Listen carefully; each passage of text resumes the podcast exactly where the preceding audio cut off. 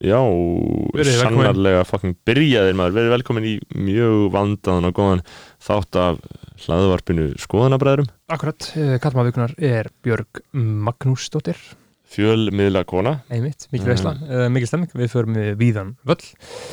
Tölum hitt og þetta. Björg, ef einhver átt að segja á því þá er hún sem sé um, mikil virkur fjölmiðlamaður mm uh, og rithöfundur sömuleiðis um, höfundur þáttana til dæmis ráðherran uh, ráðher, uh, þáttana um ráðherran -hmm. um, og Mars Annars uh, og er, er, er hísill á rúf uh, Já, já. í, í Hefur- verkefnum Eurovision og, og öllu þessu sjónvarpi og atna, með þáttinanna í, í, íslensku og bara til viðbóta við þetta allt saman er hún líka bara almennur kongur uh, með takes einmitt, reynslu í leiknum uh, hefur frá ymsa að segja. Og við erum að segja það í þessu besta hlaðarpi landsins skoðanabræðum um, einmitt. sem að er kert áfram gegnum Patreon. Patreon.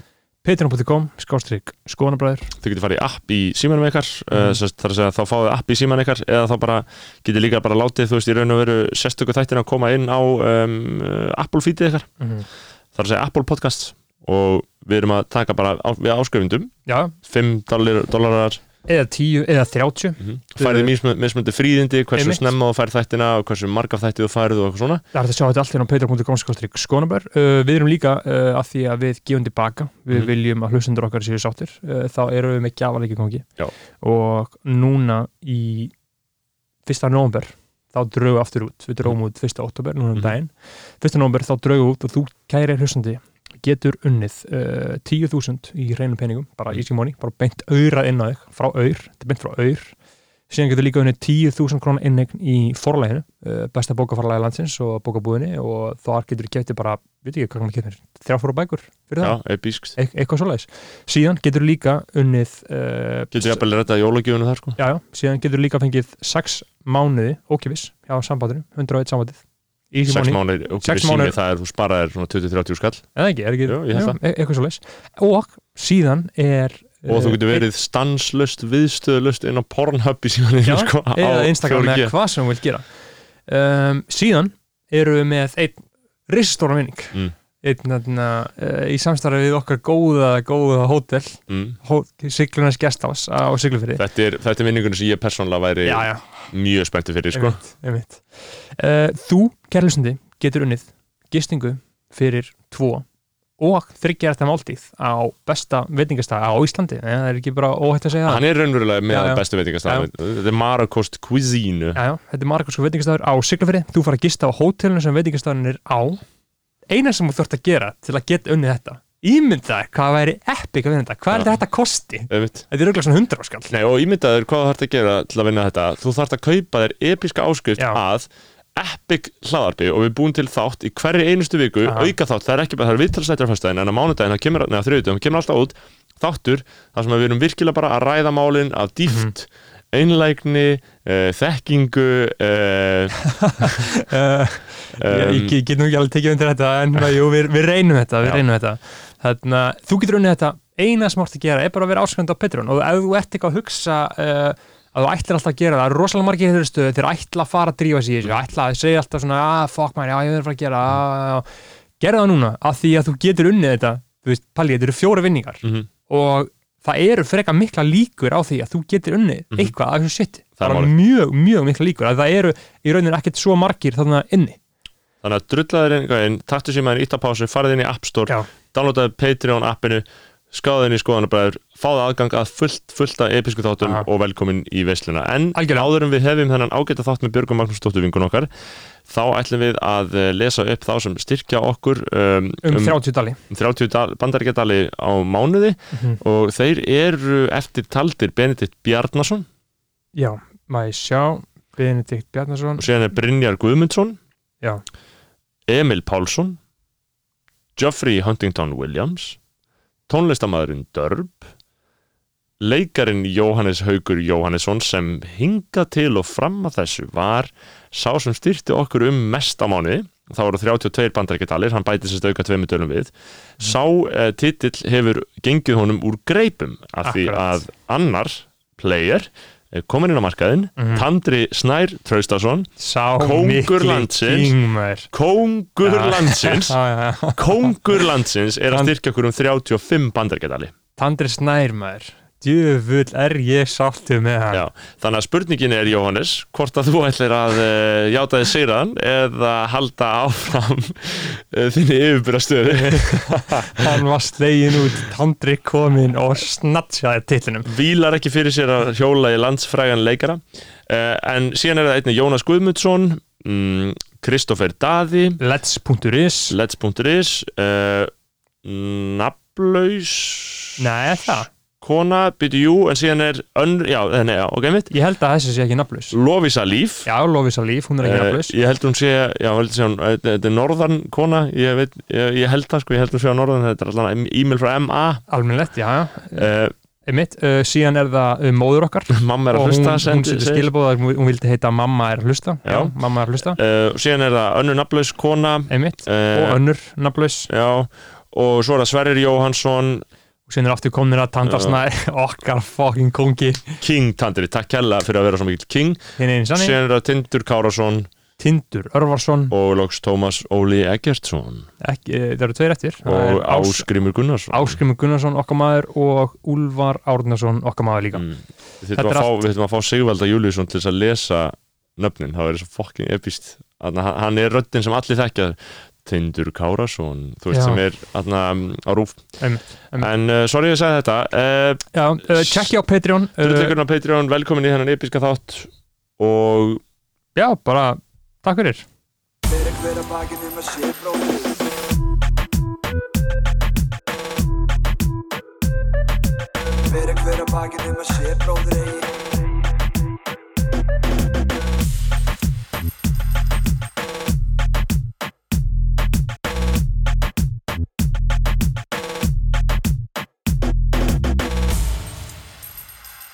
ég kom- komið sæl hlustendur góðir. Halló, halló, verið velkomin. Ég er í hljóðveri 101 á samt um, bróðum minu Berðfæri Másinni og Björgu Magnúsdóttur. Fjölmila konu. Eh, Hvað, titillin, Sælbjörg, velkomin. Sæll og sælir, gaman Já. að vera með ykkur. Gaman að vera með þessum leiðis uh, Já, já, titillin Fjölmila kona, Já, sko við vorum eitthvað að ræða þetta um daginn að sko það er svolítið fyndi hverju veljast til þess að vera kallaðir fjölmila konur Mm. uh, Kannastu við hennar vanda? Uh, ég er að lýsa eins hvað þú meinar sko, þú veist að, það, það er ekkit alveg allir, þú veist, að því að sumir eru kannski bara bladamenn mm. en svona einhvern veginn verður þú fjölmila kona ef þú ert einhvern veginn aðeins að ég, gera ég veit ekki, eitthvað svona örlítið Ah. þú veist, Já. að því að þú ég ger ekki ráð fyrir að þú sért mikið skrifið sem þannig Nei, ég er náttúrulega ekki Ég er ekki að vinna á Mm. dagblæði Nei, Ég hef verið að vinna á dagblæði En ég er ekki að því. Þannig að það er kannski svona, já, þá er fólk sagt blaðamenn eða blaðakonur eitthvað en fjölmjölamæður eða fjölmjölamkona, þú veist, mér finnst það bara að því ég er að gera alls konar eins og Mm. allir á Íslandi eru með svo marga hatta. Já, þá finnst mér svona fjölmjölamkona ágætt svona reglífa hugtak, það er svona að henda svona einhvern veginn einu og öðru undir það, skilur Einmitt. En ég held að Mér- komið kannski til út af því Já, ég sá líka þarna, uh, þegar að maður var að vinna uh, sína rannsóknar vinnu í morgun og horfa á eitthvað viðtal við, þá sagði einmitt sko að munur ná þessu að því að þú hefur ekki endilega áhuga á sko einhverju svona pjúra staðrendum, heldur frekar sögum. Já, Mér finnst það, svona góð, góð punktur að þú veist, Mm. að, og þú varst að vinna, þú hefur samt unnið sem, Já, ég var blaðmar, ég byrjaði hérna minn feril á, á blaðinu sem Mm. að gefa út á árokri og síðan breytist það í 24 stundir bara Mm. hérna, veist, um síðustu aldamóti eða eitthvað og hóf minn feril svona í fjör, fjölmjölum þar og svo fór ég inn á fréttastofur út til að byrja með Mhm. og það er mitt, þú veist, eins og við vitum um fréttastofu, þar, þar eru staðrendir líkil, Já. líkil, líkil orð og þetta Mhm. bara, hérna, allt er í húfi gagvart því að hafa þær réttar mm. en þú veist, ég, ég vill ekki að staðrendir komi í veg fyrir góða sögu, sko nei, þannig að ég er svona aðeins kannski fært mig þú veist, yfir í eitthvað meira þannig sko, einmitt. öðru í þessi miðlun ég er í grunninn alveg samanlega sko, mér finnst emitt staðrindnar eru oft, oft leðilega sko. það eru fínar sko, já, svona fyrir það sem þær eru sko. en, en Rú vil, vil helst hafa bara góða skýslu að vinna upp úr síður tala um fólk og helst rétt svo Rú vil bara ef það er skýsla, Já. þú veist, það er bara skýslan og það tekur svona pdf skot af henni það er, það er uppáhaldið þar sko. classic já, Mhm. En mér, mér finnst það einmitt sko bara sko ekki beint tilgangslausar en heldur sko það er aldrei áriðandi eins og Snorri, þú hefur talað um að þú er með COVID á heilunum, skilur Mhm. þú þarft að vita tölfræðina og allt svona. Já, já. af hverju þarf maður að vita þetta, mm, skilur ég bara, mér, ég, ég anda þessu bara. Þú veist, ég, þetta er bara hluti af tilveru mínu einmitt núna, bara vita hversu mörg smitt voru hversu stórt hlutfall smittin eru af, skiluru, hversu mörg vargi voru skimaðir í dag voru heldur 20 greindir já. eða svo og, og, og þá heldur fólk að bylgjan sé að fara niður. En þú veist, skimanirna voru bara ekkit umfásmiklar þannig að þetta er bara hlutfallslegt, við erum alveg í sama hakki held ég sko. Uh, En þú, hvernig er þú með það, Berg? COVID? Já, víruna, Sko- ve veiran, veir, veiruna, víran. Uh, ég veit ekki. Ég, ég, ég hver, bara opin spurning. Mm, sko ég bara var alltaf að vonast til að fá þetta. Bara Mm. fljótt skilur, bara get it over with. Mhm. get it out of the system. Já, Já. og ég veit ekki, maður bara, þú veist Ertu ekki farin að falla frá því eftir að lesa allar þessar hörmung Nei, ég meni ég fæ þetta einhvern tímann, við erum öll að fara að fá þetta einhvern tímann. Ég heldur það? Já, er ég held að það sé bara gefið, sko. Ég hef aldrei hugsað út það að ég sé að En fá nei, COVID, sko. Ég veit ekki, ég er kannski bara eitthvað ótrúlega chilla yfir þessu. Eða þú veist, ég er, ég er ekkert að pæla í þessu. Ég er Nei. ekki eitthvað svona, það er alveg fólk í kringum mig og vini á þetta þessu og það er þessi hækkun Mhm. þarna og durru, ég er bara svona, að þú veist þetta er bara svona, það gerist bara það sem gerist ég er miklu Mhm. meira þar eitthvað neginn og svo nenni ekkert að fara ómikið ónýta því þú veist, þetta er svarthól Mm. ef þú fyrir að kynna þér allt um koronaviruna, þú ert alveg líklega til að missa vitið, sko Já. þú veist, Bara- og ef, ef þú starra hann í hildifi og starra hildifi tilbaka, sko það er fyrir þannig, sko Mhm. þannig að hérna maður hefur svona bara reynda að þú veist, gera sem maður getur og Mhm. huga þessum auðvitað fylgja reglum og þannig skilur en Mhm. bara, ég er ekkert eitthvað að ká og nýta. Mm. ég hef skemmtilega hlu, hluti til að hugsa um. Alveg, þetta, þetta er þarna rétt, rétt hugafar í þessum málum, sko. Þið eru saman í þessu, eru, þið velja að vera idiotar og standa fyrir utan, það er bara svo sem þetta verið að þá afstöðu. Um, Marga skemmtilega hluti til að hugsa um segiru já, já, Mhm. Það er alltaf ímislegt í því. Það var einhver að, þú veist, ég held að það hefði verið einhver að taka eitthvað svona, eitthvað velþóknuna tíst á um þig um daginn um hvað verður að gera mikið að drasli að því allt í hennu er þetta bara orðin svona fjögur stór atriði sem eru á rúf jafnvel bara í spilum núna sem eru uh, þitt um, já, getur sagt uh, afurðir þínar já, já.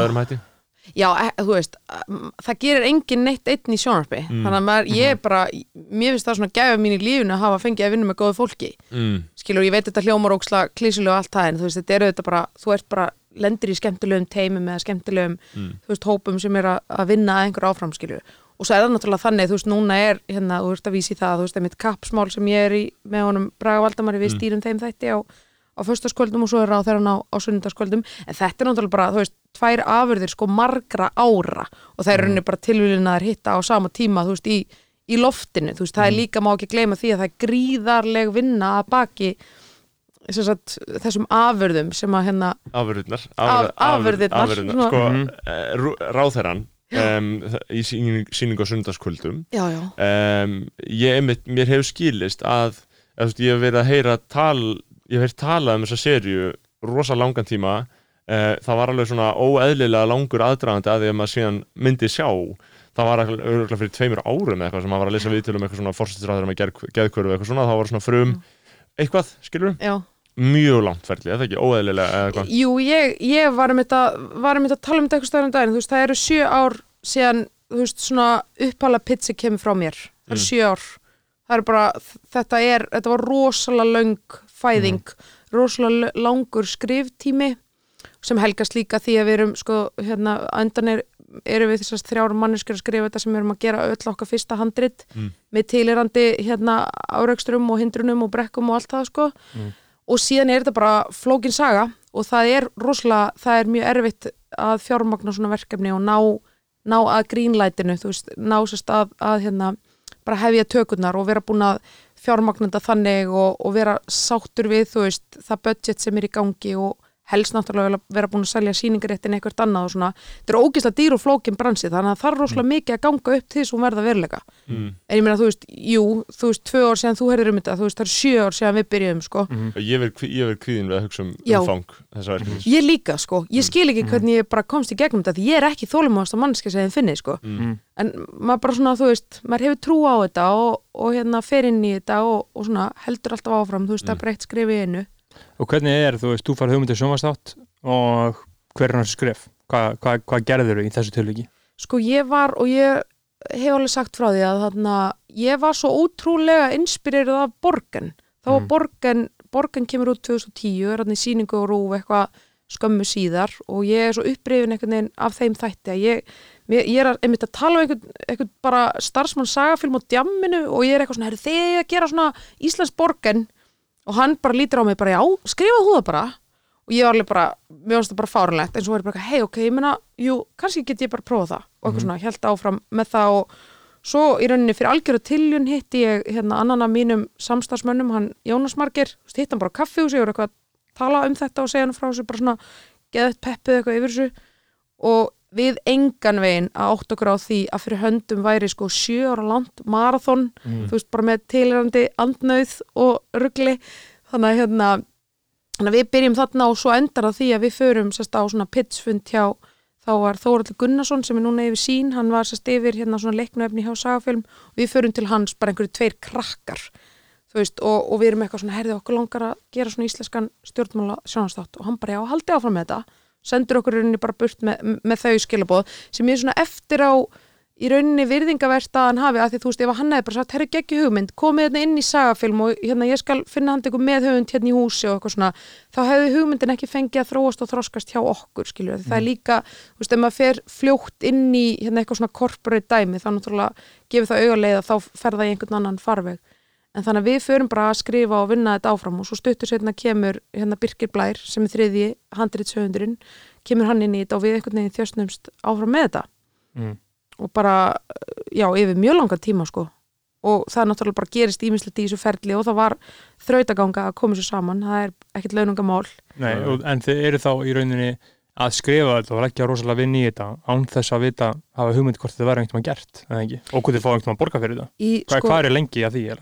Já, þú, við gerum hann að uppálega þú veist, þegar þau voru sagafilm að búin að ákvæða jú, þetta er gott pitch, þetta er góð hugmynd viljum, hérna það var gerður einhver svona samningur við okkur en þú veist, ég myndi aldrei skrifa undir hennar samning í dag, sko Mm. það er bara, Hvernig sánu verið það? Bara segja? mm, ég veit ekki hvort, eða, það er ekkert eitthvað svona NDA hérna í honum en, en þú veist bara, og maður skilur það alveg líka, þú veist, þetta er bara eitthvað krakkar þú veist ekkert hvort það verður eitthvað úr þessu, þú veist, upphæðnar eru lágar, þannig að tímaköpið er Já, já. Mm. og hérna, ætla hann kannski eitthvað nánar út í það. Nei, nei, eitthvað, Eh, svona- eitthvað, eitthvað Þrjú, Maður- 350 kallar Já, ég veit ekki hvort það nær því. En þú veist, þannig að maður er svona en á sama tíma, einhvern veginn verður maður að komast inn og, og hérna og ég hef alveg, þú veist, einhvern skilning á því. Þannig að hérna, þannig að já, við í rauninni erum að skrifa mjög lengi þú veist, það er ekkert grínlæti kemur ekki næstu í strax. Nei.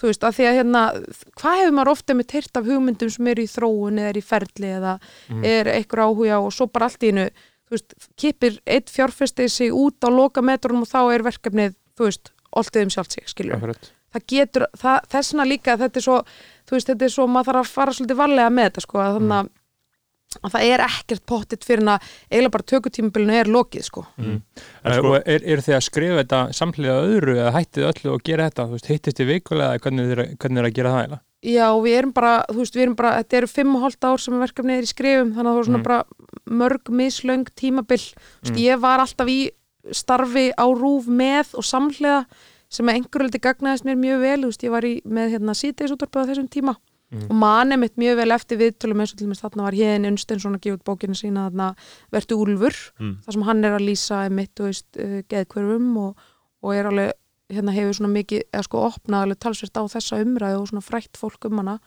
og einmitt bara maður að, hérna, já, og mann eftir líka eftir skemmtilegum viðtölum við Högna Eilsson sem er auðvitað algjör svona frumkvöld í því að opna á, á umræðunum þetta allt saman Mhm. þannig að hérna mjög svona, þú veist, jú að að, að en á sama tíma þá var ég í ágæti starfi svona upp á að, Já, þú veist, maður, svona, maður sá ímislegt í gegnum hérna, Það ber svona sirka sama brunni svona er svona maður, marki, já maður lærir, já, maður tekur eitthvað og, já, Þetta sýtis út á stæmi að því að við erum alltaf svo sjálfhverfir að Já. við þarna, Mm. hugsaum alltaf ég, Beggi bara spyrum um eitthvað handrit að skrifa því að hann er bara að hugsa um eitthvað að skrifa handrit sjálfur og hann er bara Já, ég er bara að læra þessu. já, að auðvitað um, uh, og og ég, ég, ég fyrir að velta fyrir mig svona einmitt, að vera með svona sítisútvarp eða hvort sem það er morgunútvarp, hefur líka verið með morgunútvarp Já, það, ég hef verið, er svona mest að leysa ég er, Mm. ég, þú veist, að vakna klukkan 6 á mótnara, mér finnst það stjætta ofbeldi, sko Já, það stéttabandi hendaði mér Já. gríðarlega illa, sko Aha. mér finnst það ógæslegt Já.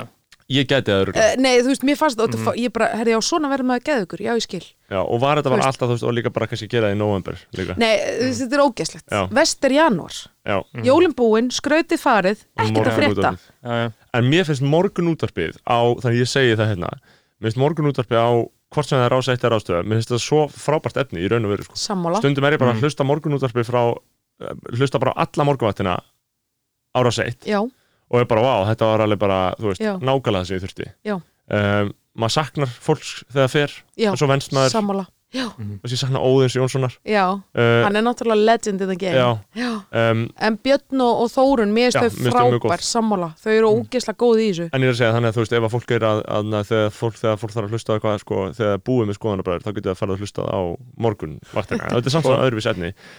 En einmitt, að vera með svona, vera með svona dæmi, skilur, sítiðis útvarp, morgun útvarp, um, hvað hva, hva felst í þessu, hvað þarf maður að gera, hvernig heldur maður þessu gangandi, skilur. mm.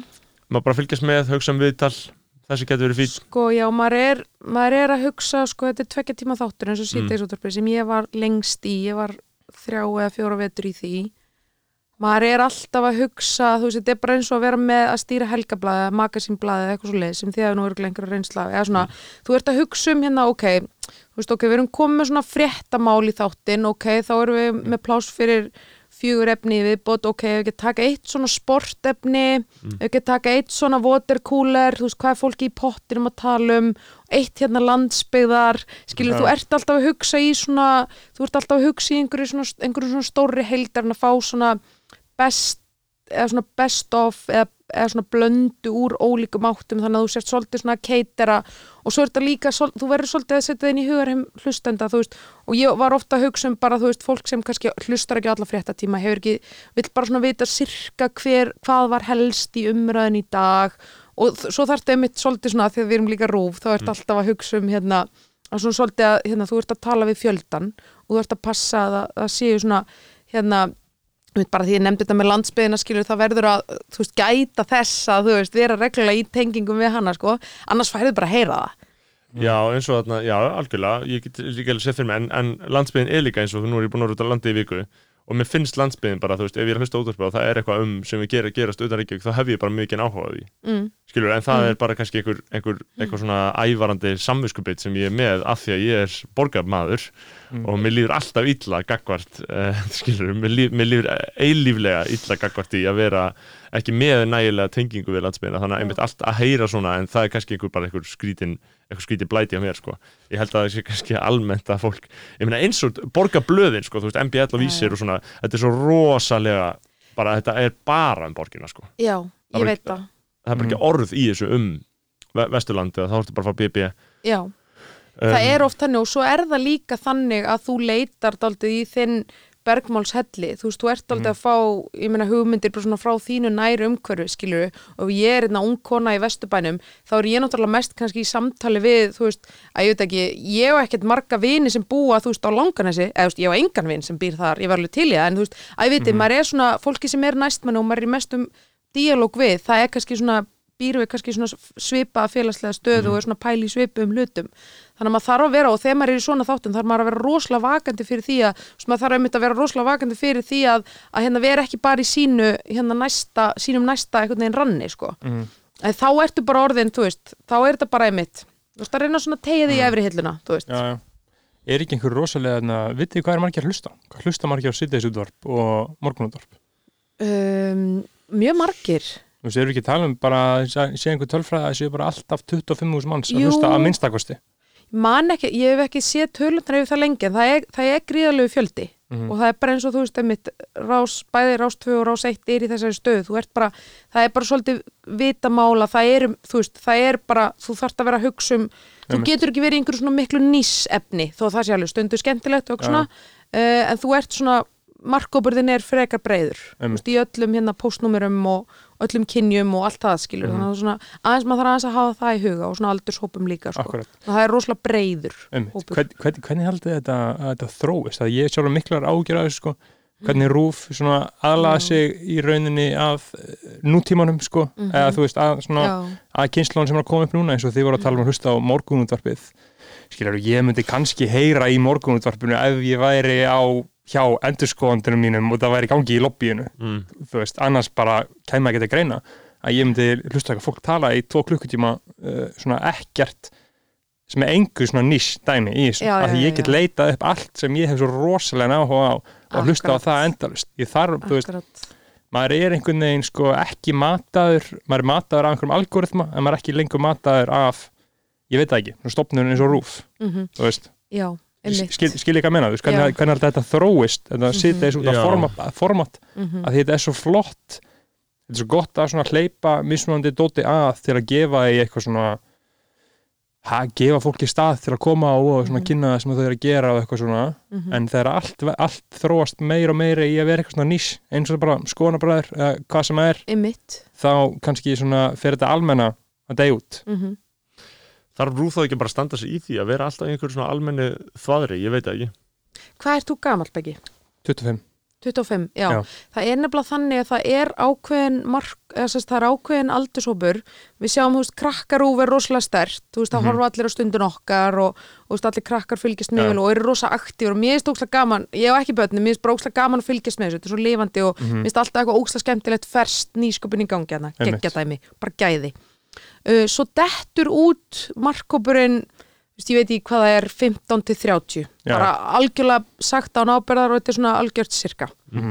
uh, svo er það þú veist, það er ákveðin tendans í því að þú veist, þegar fólk fer að hérna, komast inn á fullarins árin aftur. Já. skilur, þú ert búin að fara í hérna þitt tímabil, þitt nýsefni, þú bara ert að nördast í einhverju podcastum sem þú fílar og þú veist, eitthvað ná ég þessa seri á húlu og því hún passar akkurat við það sem þú ert að pæla núna og eitthvað svona, þá er það tendensin að fólk kemur svolítið aftur Mm. og er bara eitthvað, já, herrið, þú veist ég, hérna, ég er að borga skatta í þessu landi ég, nú er ég að kaupa mína fyrstu íbúð þú veist, ég er að, hérna, frændi minn er að þannig var reikin frá samherja eða þú veist, þetta er hitt, skilur, þá ferður svona að vilja að fá einhver svona samfélagslega tengingu aftur Mhm. þetta er svolítið tendensin Já. að þarna, og ég veit ekki hvort þetta á á eitthvað við um þig eða hvað, en Nei, en en þetta er svona- pæling sko. þetta, er, ei- þetta er eitthvað með það og mér, mér finnst líka sko, ég, ég er alveg líka svona, maður leitar í sínar hillur, skilur Mhm.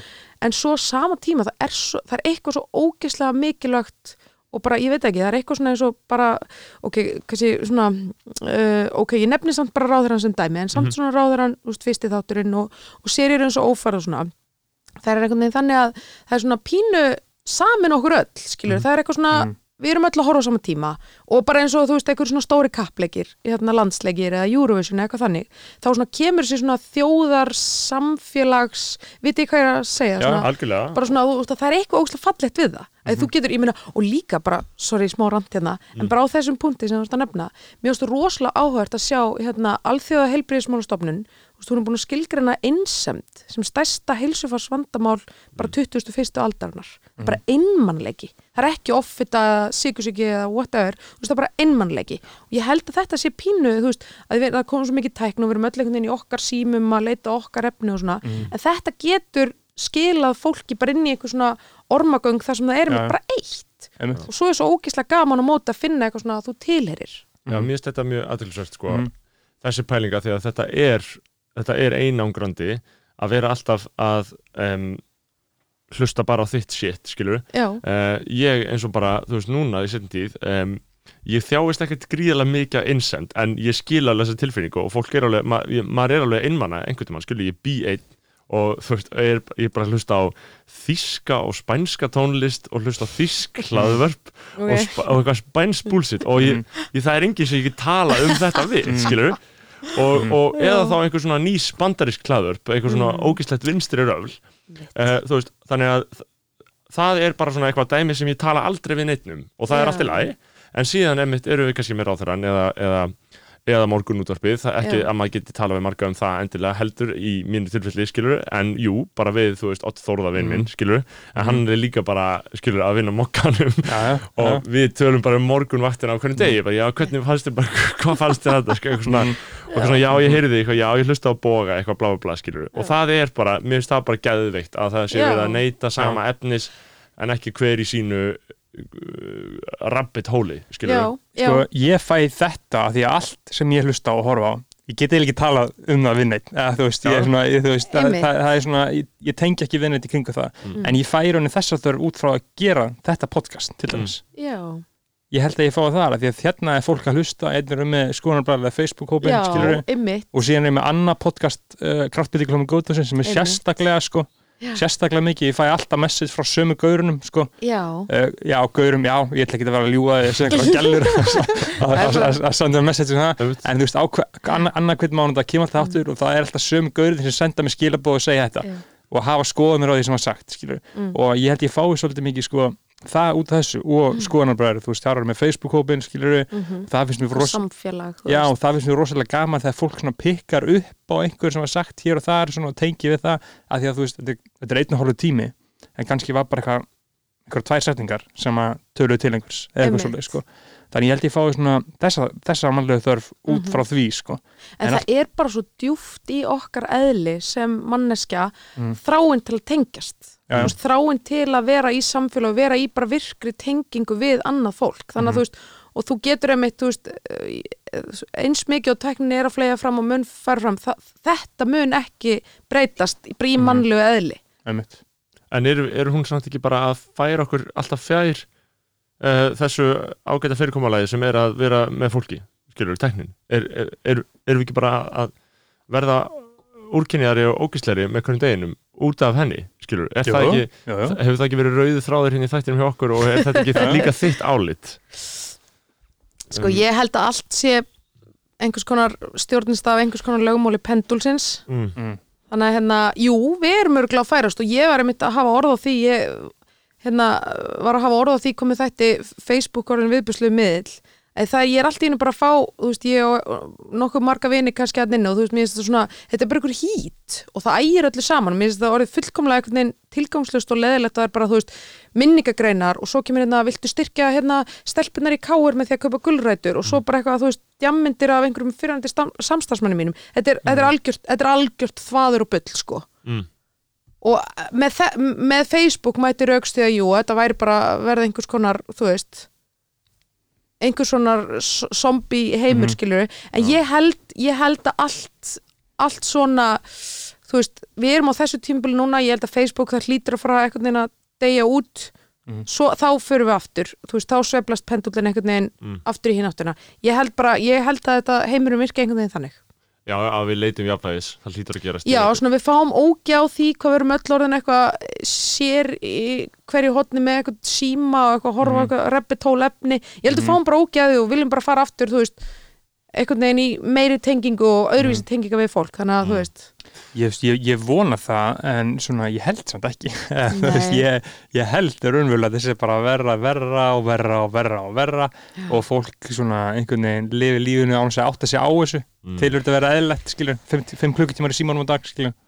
Og Já. gett einmanna Já. um, En að því að ég er búin að taka þetta, ég er búin að vera með uh, tilraunin gangi á mig núna síðslega einu og hálfa viku. Þar sem ég má bara, fara, má bara fara einu svona dag á hvert samfélagsmiðl ok, þá Instagram, Twitter og Facebook bara einu svona dag, engar afsakanir. Svo, Ok. þetta er búið að reyna mjög Vá. mikið á sko, viljastyrkin, ég er til dæmis búin að fara inn á Instagram, posta mynd býði fimm mínútur, skilja, sé, sé, sé hvað gerist og síðan bara loka efnu, síðan má ekki sjá fyrir daginn eftir, skilja. Ok.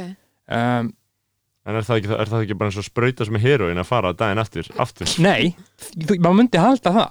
En þetta verður, þú gleymir þessu og hættir að hugsa um þetta af því að þú er bara búin að leggja þessar skýru reglur. Þú ferð bara einu svona dag og þá, þú veist, það er allt annað að sjá skilur, ok, já, ég komi hérna með 200 like á þetta núna, en ég sá ekki hvernig þau komu skiljið hvað ég meina Mm. í staðin fyrir alltaf að sjá önnur 15, önnur 20, önnur þarna skiljið, Mm. þetta er allt önnur upplifun að sjá þetta allt svona, þú ver, þið byrjar að vera alveg miklu meira sama um einmitt, hvern og einn þetta er rauninni svona drepur smá sko, svona uh, individualisman í lækunum sko. Það verður bara eitthvað fjöldi í staðin fyrir eitthvað fólk. Mm. Ah, ok, og þa það, það, ég hef rosa mikið verið að taka til því núna. Og að því ég hef alltaf búin að fara einu svona dag inn á hvern miðil og hef tekið til því að mann er svo fokkin drullu sama hvað fólk er að gera hana. Sérstaklega á Instagram, það er óáhugaverðast í miðlinn já, að því að ég er bara einu svona dag þannig enn ég ekki einu svona að skoða story. Að því að, þú Nei. veist, jú, jú, ég, ég skoða fyrstu fimm sem að koma upp eitthvað svoleiðis læka þá posta sem ég þarf að læka og síðan er þetta búið, skilur, það er ekki þar og saman Facebook, en eina sem ég teki eftir á Twitter ég fer anga bara einu svona dag og þar býður mér alltaf bara ágætis veistla, sko Twitter er Já. sko. En Það- þú, ert, þú, ert þú á Instagram og Twitter? Já, ég er allstaðar en ég er svona já, mér finnst þetta allt orðið svo ógeðslega leðilegt en mér finnst gaman að skoða Twitter, ég er algjör svona lörkar á Twitter, Já. en mér er svona, ég er gaman að svona þegar fólk er í fyndum banderi að því, þú veist, þarna eru grín grínsmiðnir að koma með eitthvað gott fyrir mann, skilja, mér finnst alltaf gaman að fara inn Já, ég ég Twitter. yfirleitt alltaf að, þú veist, einhverju svona þrennu sem ég finn, Já, skilur já, veist- alltaf á hverjum degi þegar ég fyrir um Twitter þá býður mér alltaf eitthvað svona Já. 5-6 tweets sem ég svona, Já. þú veist, fyrir raunverulega hlægi það Já. það eiginlega aldrei íslenskt en þú veist, svona enska efnið eða bandariska sem kemur þar í gegn það er alltaf, það er alltaf mjög gott sko. Gummi Jör er eitthvað gott rönn þessa dagana. Já, Já. já, mitt Hann var með ógæst að finna tweetum og það skingu þarna ég var að sjá hvað Ég ekki- ógæstli skinka. Nei, sko, einmitt, en ég les líka brjálaðislega mikið af þessu Twitter eins og þú veist, það gerist þetta allt svo systematísk, skilur þú veist, bara vinstri menn segja eitthvað, hæri menn segja eitthvað. Já, já, og þetta er bara, þú það veist er svo ógeðislegt að fylgjast með Já, hægrimörunum kveikja á áróðursvilunum Já, bara, en- en- allir en- seti grútsætti bara ok, strákar, let's go. en, en þetta er alveg jafn, veit það. en, en báða hliðar eru jafn fyrir sjáanlega, sko. Já, Ég ætlaði um að segja þetta, þetta er orðið svo. Það er bara svo veist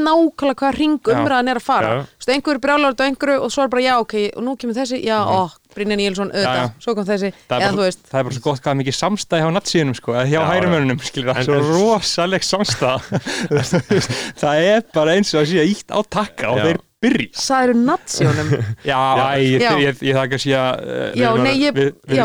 Natsíðunum, það er svona búin að gegn gangi að kalla, hægri með natsíða hérna í skoðanabræðarleginu sko, við höfum verið að velta fyrir okkur ágæti þess Já, finnst þér já. þetta varhugavert varhugavert orða Ég get ekki sagt þetta rúf allavega Nei, nei, nei, einmitt, einmitt. Það En þið er náttúrulega bara í forréttinda stöðu Já. Mig að segja allt svona einmitt, bara. einmitt. en þetta er nú kannski ekki alveg rétti hluturinn til að segja sko, þarna, uh, mætti kannski fara að hætta þessu En stundum eru allir sammála sko, veist, eins og þannig með þessar, grei, þessar greinum þessar, frá þessar gellu þarna um daginn með Black Lives Matter í mokkanum Já, Eh, Önnu Karen Önnu Já, já. Karen Já. eh, Jónsdóttur sem ég var fyrst bara eitthvað um, er þetta þarna er þetta bara einhver stelpa sem býr í bandaríkjunum eða þú veist hver er þetta? Hvað, Ég, er svona, já, ég, ég hugsaði fyrst að þetta var einhvern QAnon botti sko. já, en síðan Já. er hún bara Íslendingur og er, er dóttur hérna fórstjóra Ólís mm og var bara að skrifa þennan, þessa ágætu grein í morgunblæðinu Mhm. eh, Var einhver umræði um greinina svona áður en hún fer í byrtingu sko ég, sko mokkin eh, þessi aðsendu, ég hef unnið aðeins í aðsendu greinum á mokkin, bara að taka við þessu sittin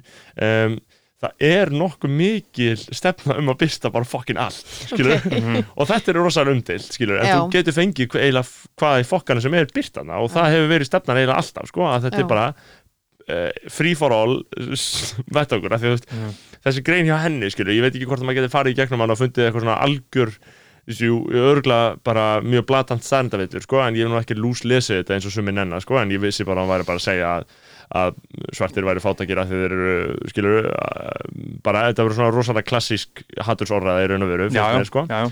um, en það fólk, fólk verður alltaf mjög hrest þegar það getur farið að hjóla í mokkan sko. Þú veist, það er Já, já. Twitter hatar morgunblæði sko. og og skiljanlega, þú veist. Já, já, byrta það, já, þetta er Það er ekki slaufunarkúltúr á morgunblæðinu Nei, nei, við bara byrtum þetta og sjáum sér hvað gerist. Það er svolítið mótelið sko.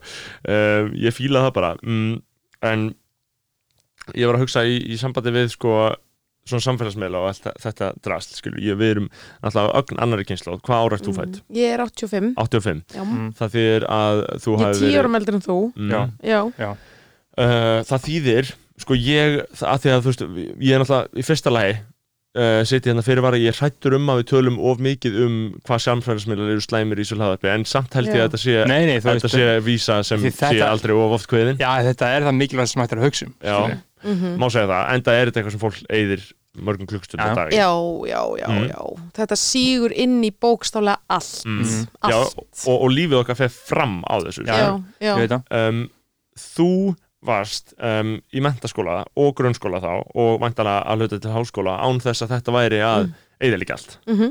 uh, hvað, er, hvað er að tala um það? Meina, hvað, þú veist, hvað Hvað var ég að gera? við, já, Og þú, þú varst í Vestló, eða ekki? Ég var í Vesló Já. Já. Hvern, hvernig var svona stemmingin? Hvernig var stemmingin?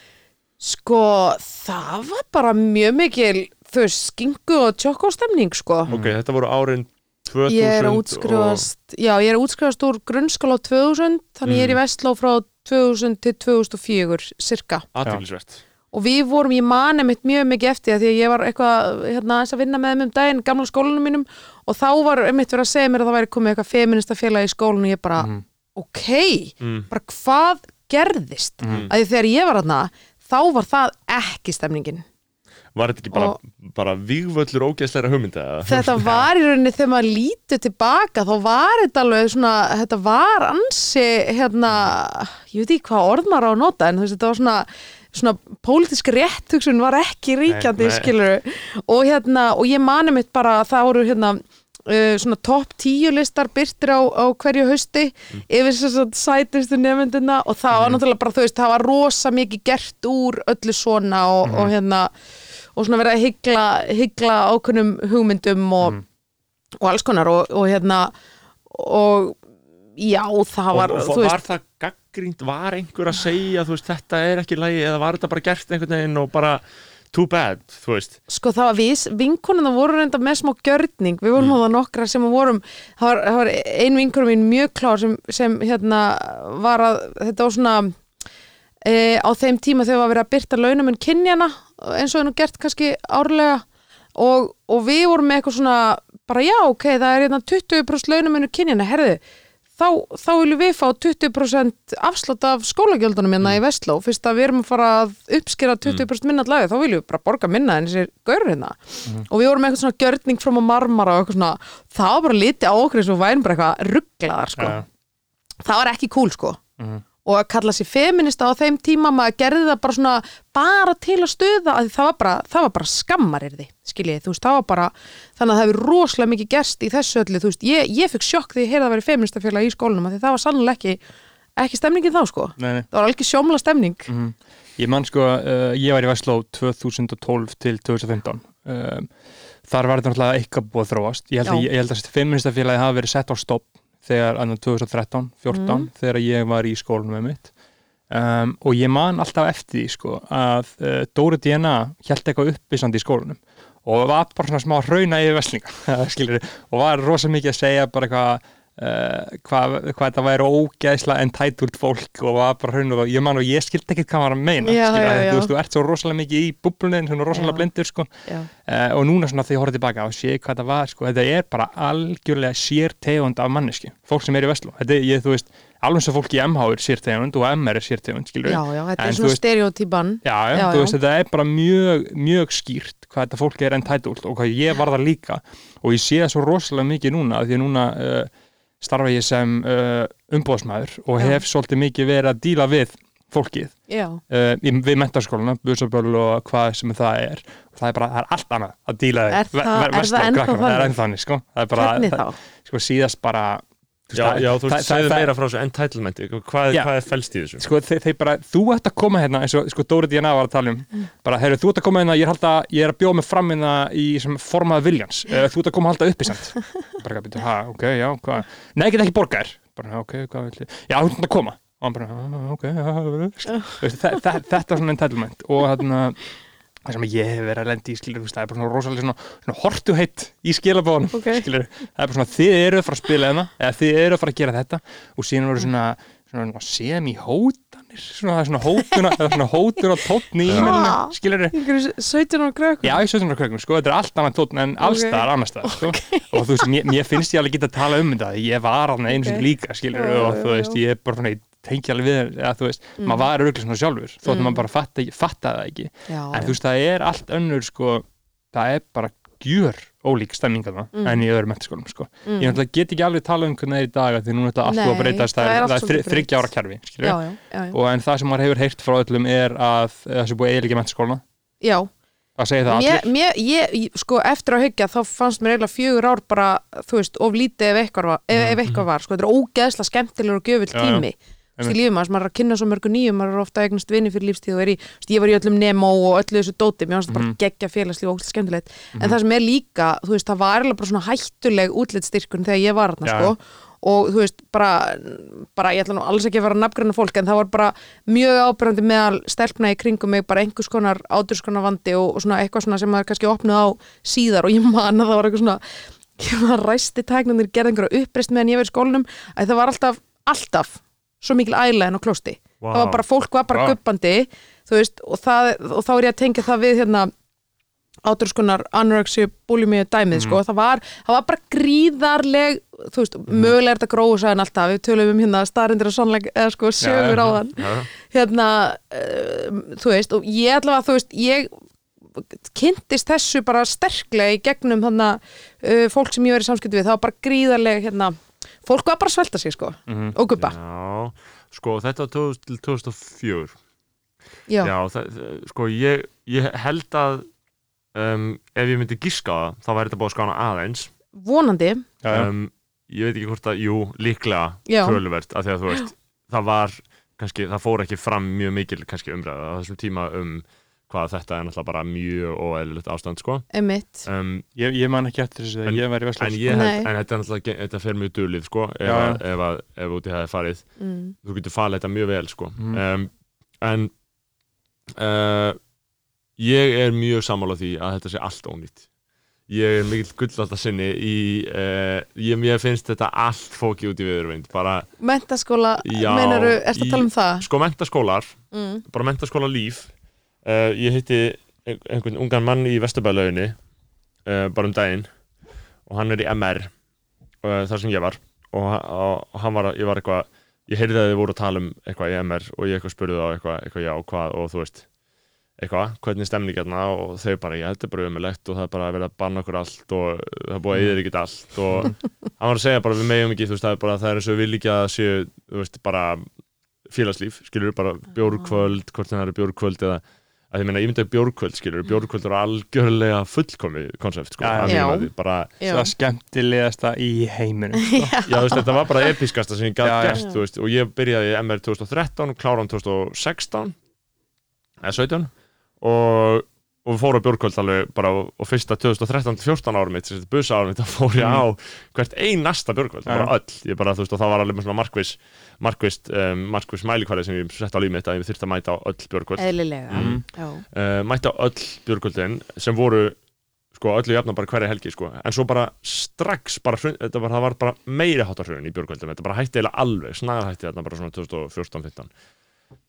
og ég, mér finnst það mjög alvarlegt sko mér finnst já, alvarlegt ég veit að hvað eru þá krakkarnir eiginlega að gera eða Já. þú veist, að því meina maður var einhvern veginn að, einmitt, að byrja að kynnast eitthvað svona djamminu á þessum árum og svona reyka sig á ímislegt og prófa ímislegt og eitthvað svona Mm. en það er svona eins frábært og það er að æska landsins í eitthvað vímöfnalaus og svona, Já. þá pælum maður líka alveg í Já. þessu skilur um mitt, sko, já, þú veist að því meina, hvern, hversu vímu efnalaus án að verða eða þú veist uh, hvenar á fólk þá að byrja að dekka og gera allt þetta sitt, á það bara að vera í ég veit hálsmenn að einhvern tíma þarf þetta að taka þetta út skilur, mjög stókslega gaman að lesa hann að sá ekki pistilin sem Auður Jóns skrifaði hérna um sín hérna mótunar ár hann er Robert. framhaldur af hérna hótelsögu Já, málunu, stóra málunu þú veist, þetta er nöðsynlegt Mm. öll þessi atrið sem hún tilur upp. Við eigum þetta í okkar eigin myndum og, og svona, okkar eigin huga. En þetta er svo óbúðslega nöð, nöðsynlegt í mótun og karakter. Mm. þú veist, þú að fá þessa útrás og fara bara í gegnum þetta Mhm. finnst mér allavega. Já, ég er alveg saman á því sko. Og ég, ég, ég, ég, ég, hef alltaf, ég, ég hef alltaf verið mjög andvegur sko drikki fullorana en bara mjög veist, mikil stöðningsmæður úlingadrikju sko. Veist, að fólk eigi bara að byrja að drekka. Kannski bara, þú veist, 16, 17 ára. Já. síðan hættaði bara 20 sko ég, Þú Veitu, ert þú hættur núna? já, hættur að drekka Já, þú ert Já. hættur, alveg rétt hann er Já. já, já. Já, og þú veist, en ég samt sko ég er alveg bara svona mér finnst áfengi alveg fínt að hafa Já. að, að það sé til, skilur að því annars Mm. væri ekki stemming, skilur ef, fólk væri ekki að drekka þá væri fólk ekki, þá væri fólk ekki endilega að gera allt sem það gerði mm. en svona per, persónulega neysla sko ég ég að er andjúður henni sko Ég væri til í að uh, banna þingmönnum Ég í að banna kjörnum fulltrúum allavega þegar þeir eru í pontu það En samt, ég meina að tala um góða sögur og góða senur, skilur við, þegar einhverjum hérna, þingmaður mæti blindfullur í Mm. pontu.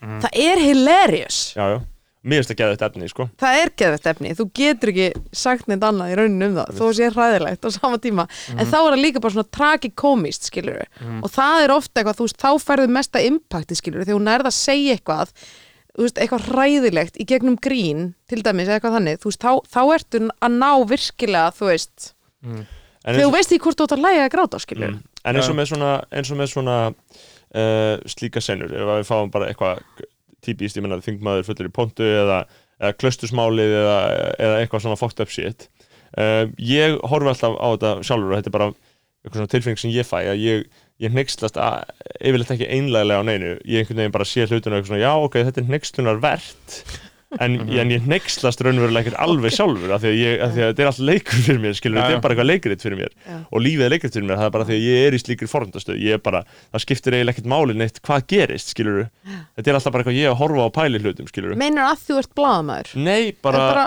almennt? almennt bara í lífinu, skilur, fólk hneykslast á pólitískum málum Mm. hneykslast á uh, Þetta segja sér tilfinningalös Já, sko, Já. nei, ég, jú, hugsanlega eða þá, eða þá að bara hagsmunum mínum er svo vel já. að ég þarf bara ekki að hafa áhyggjur af neinu basically þú ert með það mikil Ég skil. forréttindi skilur skil, að sama hvað verður gert og gerist í Ah. alheiminum þá mun það ekki hafa áhrif á þig persónulega og, veist, og ég er að hugsa um, sko, þið vantar kannski Einmitt. samkend og, og, Það kallast Já, já. siðblinda snorri já, það er það, já, það er kannski niðurstaðan í þessu Já.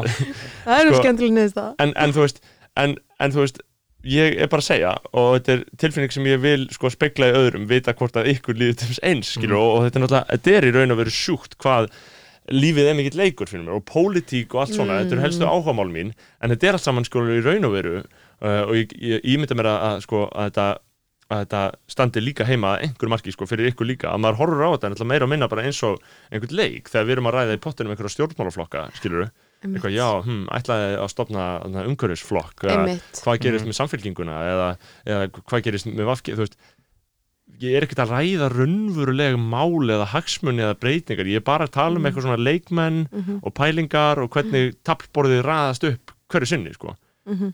skiljið hvað við? Mhm. já, já, þetta er bara shit show Já, ég tengi óksla mikið við þetta og hérna, en líka þegar þú veist, ég er náttúrulega verið að vinna í að skrifinan blessaða ráðara í sjö ár skiluru, þá er maður alltaf að hugsa þetta út frá, þú veist, einhverju sköpunverki sem þú ert að koma Einmitt. á laginnar skilur, þá ertu farin að máta einhvern veginn allt inn í og mér finnst það, ég, ég, en það, þú, þú átt potið eftir að skrifa miklu meira Mm. þú ert kannski með þennan þangaganga einhverju leiti líka, þarna að þú veist, maður er bara, maður horfir á allt sem senu og content í rauninni og bara, content, einmitt. já, já. og eins og bara hérna, þessir, þessir hérna klustur sena því hún nefnir hana Mm. þú veist, ég er, ég er með, þú veist, ég er ekki þú veist, ég, ég meina já, ég, ég, þú veist, ég horfi miklu meira á þetta sem eitthvað svona bara eitthvað eitthvað, áramöndaskaup eða þú veist bara eitthvað þannig og maður er svona einhvern veginn miklu frekar að hugsa bara já, en ef að þeir hefur sagt þetta og þessi hefur komið inn á sama tíma eða druru, eitthvað svona story skilur í kringu það. Meina, verandi í Einmitt, Já. og, og síðan síðan fyrir Lilja já, einmitt, þú veist, síðan fyrir Lilja Alfreðs í, í Kastljósviðtal um klausturmálið, ég veit ekki hvort ég muni eftir þessu viðtali. Uh, og er rosa bara þung uh, bara og, og segja bara já, þetta var bara ofbeldi gagvart mér og svo framvegis. Um, og og ég hugsa, þú veist, að að fyrir mér er þetta allt leikur ég er svona, ok, þetta er ákveðið múf hjá henni skilur Mhm. ég með dettur ekki í hug eina sekund að þetta sé eitthvað svona endilega alveg raunverulegar, einlega tilfinningar Mhm. og, veist, og, og, og það er náttúrulega líka kannski forðundast að ég veit ekki hvernig það er að vera kona og heyra svona um sig skilur uh, að, að einhver margir hlýtur þetta auðvitað að vera bara, þú veist, svona sem henni líður. En þetta er einhver síður move, þetta er einhver síður bara, þú veist, bragð. Já, þetta er strategist, Já, skilur hún og- sagði, og- já, og ég fer hérna og tala um þetta hérna og segja þetta um þetta. fara í viðtal og segja þetta, það er ekki eins og Mhm. þetta sé bara, þú veist það skipt svo miklu má- máli hvað þetta gerist og svo framvegis, sko. Mhm. þannig að einmitt, það er svo sjúkt að hugsa allt í contentu ég er alltaf bara alltaf að horfa á hlutum og svona, já, ok, ég er nú að segja þetta núna, skilur Mhm. aldrei kannski raunverulegt inntak eða raunverulegar tilfinningar eða eitthvað svona, sko. Ég held að, einmitt, það má al, alls ekki gera lítið úr sko því að, einmitt, þeir, þeir voru náttúrulega, þetta var náttúrulega bara viðbjörslegt Mhm. hvað orðir höfðu um Lilju, einmitt, sérstaklega þegar þú ert að nefna, Mm. þú veist hana, bara, það, það, það er umurlegt ef þú heyrir samstarfsmenn þína Já. tala svona um þig, það er umurlegt það, come on, það er ekki, það er ekki tekt að uh, segja eitthvað annað um það, en á sama tíma getur hún auðvitað sé fyrir sér herði, ok, þarna er þá gluggi fyrir mig Mhm. að mæta hérna og þú veist, fordæmi þetta og slá kannski einhverjar hérna, pólitíska keilur í leðinni þú veist, góðu pólitíkus þú veist, sér alltaf hérna, þú veist eitthvað í vesinu sem gagnast þér upp á framhaldið eða eitthvað þannig, skilur á sama tíma maður er alls ekki að gera lítið úr og ég held að hún hafa algjörlega verið einleg þú veist, í sínum svona viðbrúnum þar sem hún sagði um þetta, skilur en, en ég meina, þú veist, stjórnmálamenn, við skulum ekki gleyma því þeir eru auðvitað, þeir eru auðvitað bara alltaf að leita að atkvæðum. Já, já. Ég, ég, veist, ég, þannig að Þetta það er bara svo stjætt samfélagsins sem við öllu sem við gerum, saman hvað þessi kvikmynd að gera eða hvað sem er, þú veist bara ráðar hann tökur þessi dæmi þá er hver og eitt sem kemur að, ok, hvað græði ég á þessu? Já. bara ein, einhver ljósamar spá, ok, já, hvað græði ég á þessu? Ok, einhver hljóðmar bara, já, ég græði þetta á þessu ég græði þetta á þessu, Já, en í pólitík er þetta bara allra mest hvað bara- græði ég á þessu? Já, hvað græði ég á þessu, þetta er við eina, eins og við, við vorum að tala um að fá einhvern í viðtal frá píratum eða whatever, skilur Mm. en þetta fólk er bara svo fokkin leðilegt skilur þetta fólk hefur ekkert að segja skilurðu. Píratarögla skástur Já, mér, eru mér, skástir, mér var svo æðislegt að þeir aðna ætla að hætta Helgi Hrafn og Já. hann Smári Já. ég var um að lesa viðtal við þá, fínt viðtal við þá í, í hérna, síðasta fréttablaði Mm. mér finnst þetta svo ógisla fínt Já. þegar stjórnmálmenn er ekki að gera þetta að einhverju long game karriér að því að sko ef að þú veist, ef að markmið þitt er fyrsta markmið þitt er að ná kjör eftir fjögur ár og svo er að næsta á listanum þínum er að ná kjör eftir átt ár þá gefur það augulega að þú gerir ekkert Einmitt. eða róttækt eða eitthvað sem er verður að gera en mun verða ógislega ofinsælt Mm. veist, það er það er eiginlega hérna, catch-22 sem þau eru í skilur Já, já. Já. og þau eru fest í þessar lúpa þau ætla að sér að vera eitthvað stjórnmálmenn til langs frama Já. mér finnst það bara að liða þetta bara koma inn að það bara kamikaze fjögur ár, dundra allir gegn og drulla sér svo út Já, ég- gera, fara bara að gera eitthvað annað og líka að sko ég- mér finnst líka þess verði að það væri að svo hefðun væri normaliseruð í íslensku samfélagi að þú bara þú getur bara dottið inn á þing í tvö, eitt eða tvö kjörnumbil einhvern mann skilur og það er fínt og þú mátt lífa framhaldslífi skilur að því að vandinn hefur verið sá og það er ekkert gaman að vera gamalt stjórnmálaráð eða Nei, það er ekkert gaman að hafa að vera á þingi. Að þá eru alltaf einhver öll sem eru svo sem, hafa, sem bara lúta eigin lögmálum og bara munu rústa tilverðinni Mm. Þannig að það þarf líka að normalisera það skilur en, Já, já. en eins og þetta hún uh, þarf að segja þetta, einmitt sem þú að tala um bara fara inn um, keira einhver góð mál í gegn skilur eins og fólk hefur verið að tala um að til þess að Sigurborg í borginni sé að gera skilur þú veist þetta er svo- svolítið svona svolítið svona, þetta er bara svona, smá svona, svona suicide sprengja skilur, þú fær bara og gerir þetta og þú veist og kemur ykkur í gegn skilur þú veist að er- fyrsta markmiði sé bara að dundra einhverjum málum í gegn Mm. í stað þess að fyrsta málið sé að þú ætlar að ná endurkjöri. Já, þú veist að það, það er skakt ef þú ætlar að vera það vinsæll að þú veist það má engum finnast neitt um þig skilur Nei, nei, og síðan er þetta líka með skilur fólk eins og bara þarna, stengrim jóð, skilur þannig að ég mæli með á, á stundinni er, eru, eru, er, er svona umfjöllun eftir Karl T.H. Birgisson um stengrim jóð allan ferlin Já, ég elska það sko. Ég elska það sko geggja að greina. Ímyndið ykkur ef. Karl T.H. Birgisson væri að skrifa nærmynd um ykkur Þetta er bara það fræðilega ég væri búin að kaupa mér, þú veist, one way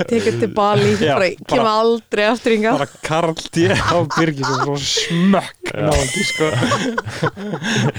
Ég, en frábær greina ég held, Já, að, ég elska Já, það sko ég held að stengrim þessu drull sko. Ste, ég, stengrim, já, ég er horfi á hann hann. ekki bara einhvern veginn? Ég horfi á hann og ég er bara þessi manni hlýtur að vera algjörlega drull. Ímyndið ykkur líka sko þá gáma af skít sem hann hefur fengið yfir sig gegn tíma, Já. þú veist þetta, hann hefur verið í gáma af skýt skýta sturtu bara í Oh. 40 ár skilur ég gleymum því ekki að hann fór í gegnum hérna eftir hrun stjórnina, hann Mhm. og Jóhanna mm. dróu þjóðina í gegnum veist. það hellaða Mhm. tímabil sko einmitt með sko bara með heilan sjálfstæðisflokk sem var búin að missa ríkistöðnavöldin og það var verið að kenna honum um að hafa valdir hruninu og þetta var bara svo mik miklar árásir bara Ah. árásir, árásir, árásir og Jóhanna einmitt bara að hafa þólað þetta að hafa komið lífað út úr í að gera, gera þetta það er ótrúlegt sko Mm. það þarf sterk bein í þetta jobb sko en þú er búin búin að vera að fylgjast með stjórnmálunum hvernig finnst þér Íslands stjórnmál, hvað finnst þér vera að gerast þannig? já hmm. Sko Og, og hvað hva ert þú? Ert þú hægri sinni, ert þú vinsi sinni Já, sko, við þurfum að þetta- Já. þetta- Við erum minna, við segjum skoðan hér. Hvernig myndir þú skilgrina þig? ég er sko ég er náttúrulega feministi mm, ég er, þú veist, ég, ég er með jafnaðamanna hjarta sko mm, þú veist, en samt er ég líka ég elska einstaklingsframtök skilur líka, þannig ég veit ekki hvernig myndi, er ég, hvað myndi þið segja? Ef, ef ég er í Sko- viðreisn, er ég í pýrutum er ég, Þetta ekki bara góð, góð samfélging ég samt ekki, eða þú Nei. veist mér finnst ég bara að vera eitthvað neginn, þú veist ég veit ekki, ég er miklu frekar svona einstök mál og svona, ég er ekki í neinu flokki eða flokksbundin eða neitt þannig, sko. Mig En mér finnst allavega, ég hafði allavega orð vá, ég bara hef ekki hugmynd um hvað þingmaður þetta er, það var einhver umfyllun um einhvern þingmann og ég bara, vá, manstu þegar maður myndi og vissi bara nákvæmlega hver var á þingi og svona, þú veist, það myndi segja að veri það stóra sem hefur gerst, í- gerst í íslenskri pólitíku síðust árum. Á líka við um þegar við skoðum önnur frambóðins og hérna sveitastjóðnarkostningar og líka fórsetakostningar Mm. og í hérna, allt í góðu. Að þarna það er bara allt í hennu er bara allt út um allt. Mm, það, við, við, þú veist, ég er stjórnmálfræðingur en ég lærði þetta í háskólanum. Þú veist, það var alltaf bara fjögur og flokka kerfi á Íslandi og svo kom alltaf einhver svona eitt svona spútnik flokkur eins og hérna kvenna frambóðið eða þessi eða eitthvað svona. Uh, en í dag er þetta bara það veit enginn hvað er í gangi sko. EH lið. Þetta er bara, já, Já. EH lið Já, eitthvað lið, eitthvað lið, Ó, já. gott, já. ég ætla að vera eins og unga fólkið. Nú er bara EH bara. Hello fellow young Já, kids. hérna, nei, þú veist, það, það finnst mér verið stóra máli og svo man ég bara að svo geggju fórsýðmynd á hérna fréttablaðinu fyrir fjórum árum þegar hérna voru kostningarnar og Guðni vinnur, þú veist, það var mynd af frambjöðundum, það voru bara 12 frambjöðundur sem fannst þeir bara fullkomlega valið í að vera fórseti Íslands. Mm Mhm. hvað lið er þetta? Já, er veist, það er bara, mér veist það allir eru bara, allir eru bara stofna flokk og allir eru ógæslega peppar og allir eru út um allt, skilur það er rosalega upplausn í þessu. Það mér finnst það, ég myndi segja upplausn. upplaust nefnilega eitthvað líkil orð svona, Já, er þetta ekki bara eftir hrun höfum við bara ekki náð? Já, ég held að þú fegst sko hrun pluss samfélagsmiðla og samfélagsmiðla breyttu landslægin algjörlega. Já, að því að upplýsingaflæði er bara öðruvísi. Þú ert ekki lengur bara með blöð sem fólk, sem allir Mm. lesa mm, þú veist eh, samfélagsmiðla breyta umræðinu algjörlega. Því þar fer fólk inn í einhver ákveðna hella og já. ég held að það sé búið að valda í til dæmis að sjálfstæðisflokkurinn sé ekki það sem hann er le, uh, sé ekki það sem hann var. Pluss vissulega bara hugmyndafræðilegur ágreiningur um að fólk getur ekki sammælst um hvernig flokkur þetta á að vera þannig að, að, að, að miðflokkurinn tekur til sín og viðrist úr hinum endanum skilur um, og það er náttúrulega, mér finnst það rosa stór breyting að sjálfstæðisflokkurinn er bara ekki það sem hann var lengur skilur og þannig að bæði á, núna er að gerast það sama á hægri ástum og var alltaf á vinstri viðsenni skilur sem er bara já, já, veist, það er, já um, svo, sem er svo sem ekkert sko- koma hérna miðflokksins og, og fleiri minni Mhm. flokka sem hafa ekki náð inn á þing en þá allavega. Og, og King Sigmundur var, var var, ég var hjælt alltaf að Sigmundur ætti að vera einhvers konar veist, að, að, þetta með ráðarann skilur þú veist, er þetta Sigmundur, er þetta ekki Sigmundur? Hvað segir þú um það, skilur sko, hérna þarna, sko, einmitt það voru ykkur frétti skrifar um þetta Mm. uh, sko, hérna Benedikt og karakterin hans er byggður bara á mjög mörgum mm. uh, leiðtóum í gegnum tíðina Einmitt. víða á hennum pólitíska ás og þetta er ekki eitthvað svona PC svar þetta er bara raunurleikin, Já, já. skilur og við höfum nefnt sem dæmi hérna Jónas frá Riblu Mm. og stóru bombumáli hérna 1930 þegar hann lét reyka hérna yfirleiknin á Kleppi Mm. og ég meina svo auðvitað, sko við, við vorum byrjuð að skrifa áður en að Donald Trump verið fórstu bandaríkina Mm. þá fannst okkur í alvörinu bara raunveruleikin vera einhvern veginn að taka yfir skiluru uh, og svo höfum við líka þú veist og svo getur við skoða leðtói eins og hérna Boris Johnson uh, í, á Breitlandi þú veist hann er svona þú veist karakt, við erum svona þú veist, svolítið, þetta er svona stjórnmálmaður sem er líka svona karakter. En það eru það eiginlega allir í dag út af samfélagsmiðlunum skilur, þá er alltaf að sína veginn þú veist, og svo má nefna líka hérna Churchill, þú veist, hann er hann glýmdi við og hann talaði um það opinberlega, þú veist, hann var að glýma við þunglindi og svo var hérna norskur uh, norskur ráðherra mann og ekki hvað hann heitir en hann hérna sagði af sér einmitt hérna og sagði bara ég er þunglindur, ég ræði ekki við þetta, ég þarf að segja mér. Þannig að sko þegar þú ferð að skoða þessi tvö þemu, stjórnmáluleitua og einhvers konar andlega erfurleika geðran vandamál, þá er það bara, er bara hérna uh, ansi, ansi margt einhvern veginn sem þar verði stundum fara saman, skilur Mhm. og, og, og með þessu móti er ég alls ekki að hérna, em, einmitt, hérna gera sigmundu upp einhver hérna, persónengin eða nokkuð nei, nei. þannig en, þú veist, en ég meina það var ofinbyr umræð um það og það var hérna, þú veist um hvernig heilsa hans væri og eitthvað slíkt skilur en þú veist það var aldrei það varð aldrei eitthvað skoðað eitthvað meira það komst aldrei einhver niðurstæði það skilur Nei, en það, við fengum reffa rosalega við það Einmitt, en að því eins og ég, ég, ég sé ekki alveg segmund að því svona gæðkvara síki svona kallar sem hafa verið með það hafa alltaf verið svona skemmtilegir og kreatífir allan svona í íslensku, íslensku samfélagi að Sigmundur er það mjög hann þú er veist. mjög skapandi og Nei, hann þú er veist. mjög mikill meistari ég er ekki að tjóka, þú veist, að þessi Sigmundur hann, er- það eru, þú veist það er ákveðin ímynd af Sigmundi að hann er ógæðslega fyndin típa sko. ég er ekkert að djóka þegar ég segi það bara sögur á honum uh, bara svona eitthvað hvernig hann hugsar og hvað hann skrítin auðvitað hann vænisjúkur hann er búin stjórnmálum og eitthvað svona skilur en Sigmundur fær slæmt rep sko, um að vera ekki skemmtilegur eða sniður Já, ég, ég sé hann alls ekki sem skemmtilegan sko. Nei. en ég veit alveg hvað átt við, hann ná alveg sína hérna laumur hlið sem að kannski ekkit allir Já, allir já. þekkja hann er náttúrulega sko, hann er bara svo rosalega taktísku stjórnmálumæður að hann tekur bara málefni upp sem hann veit að virka, skilur, hann er bara Mhm. þú veist, það er bara ef að ég held að, ég held að hann er mitt sko, talandi um að horfa á lífið sem leik skilur þú veist, þetta er bara hvað, ég meina, hvað, hvað á ég setja þetta í pottin skilur, hvernig á að bú, búa til þessa miðflokks Miðflokks kjötsúpu Mhm. skilur En svo finnst mér svo áhugaður pæling þú veist, út af þessu að við erum að með stjórnmálun og svona íslenska raunveruleika sem svona, hvað segir við, við erum að byggja á því og við erum að þarna, reffa mjög viða í raunveruleikan og svona. Og fólk kemur að leiku sjálft sig og svona sem er bara ókslega gaman. En þarna, þá fer maður að pæla í þú veist hvernig típur sækja í stjórnmála því ég var að tala um aðan að það er svona stundum svona, daldi svona eh, crazy karakterar, svona stundum sækja í þetta. Og ég meina hver líka vill vera einhver leiðtói og þarf ekki að vera bara að geða einhver narsisisti og, og fylgir ekki bara ímislegt því og, og einhvern veginn, þú veist, bara þá fyrir maður að hugsa, þú veist, sækir ákveðin gerða fólki í þetta og þú veist, hvaða gerða manneskjum er það, skilur við? Ég held þessi bara valdasúkt fólk sko já, Það er svona al almennt sko.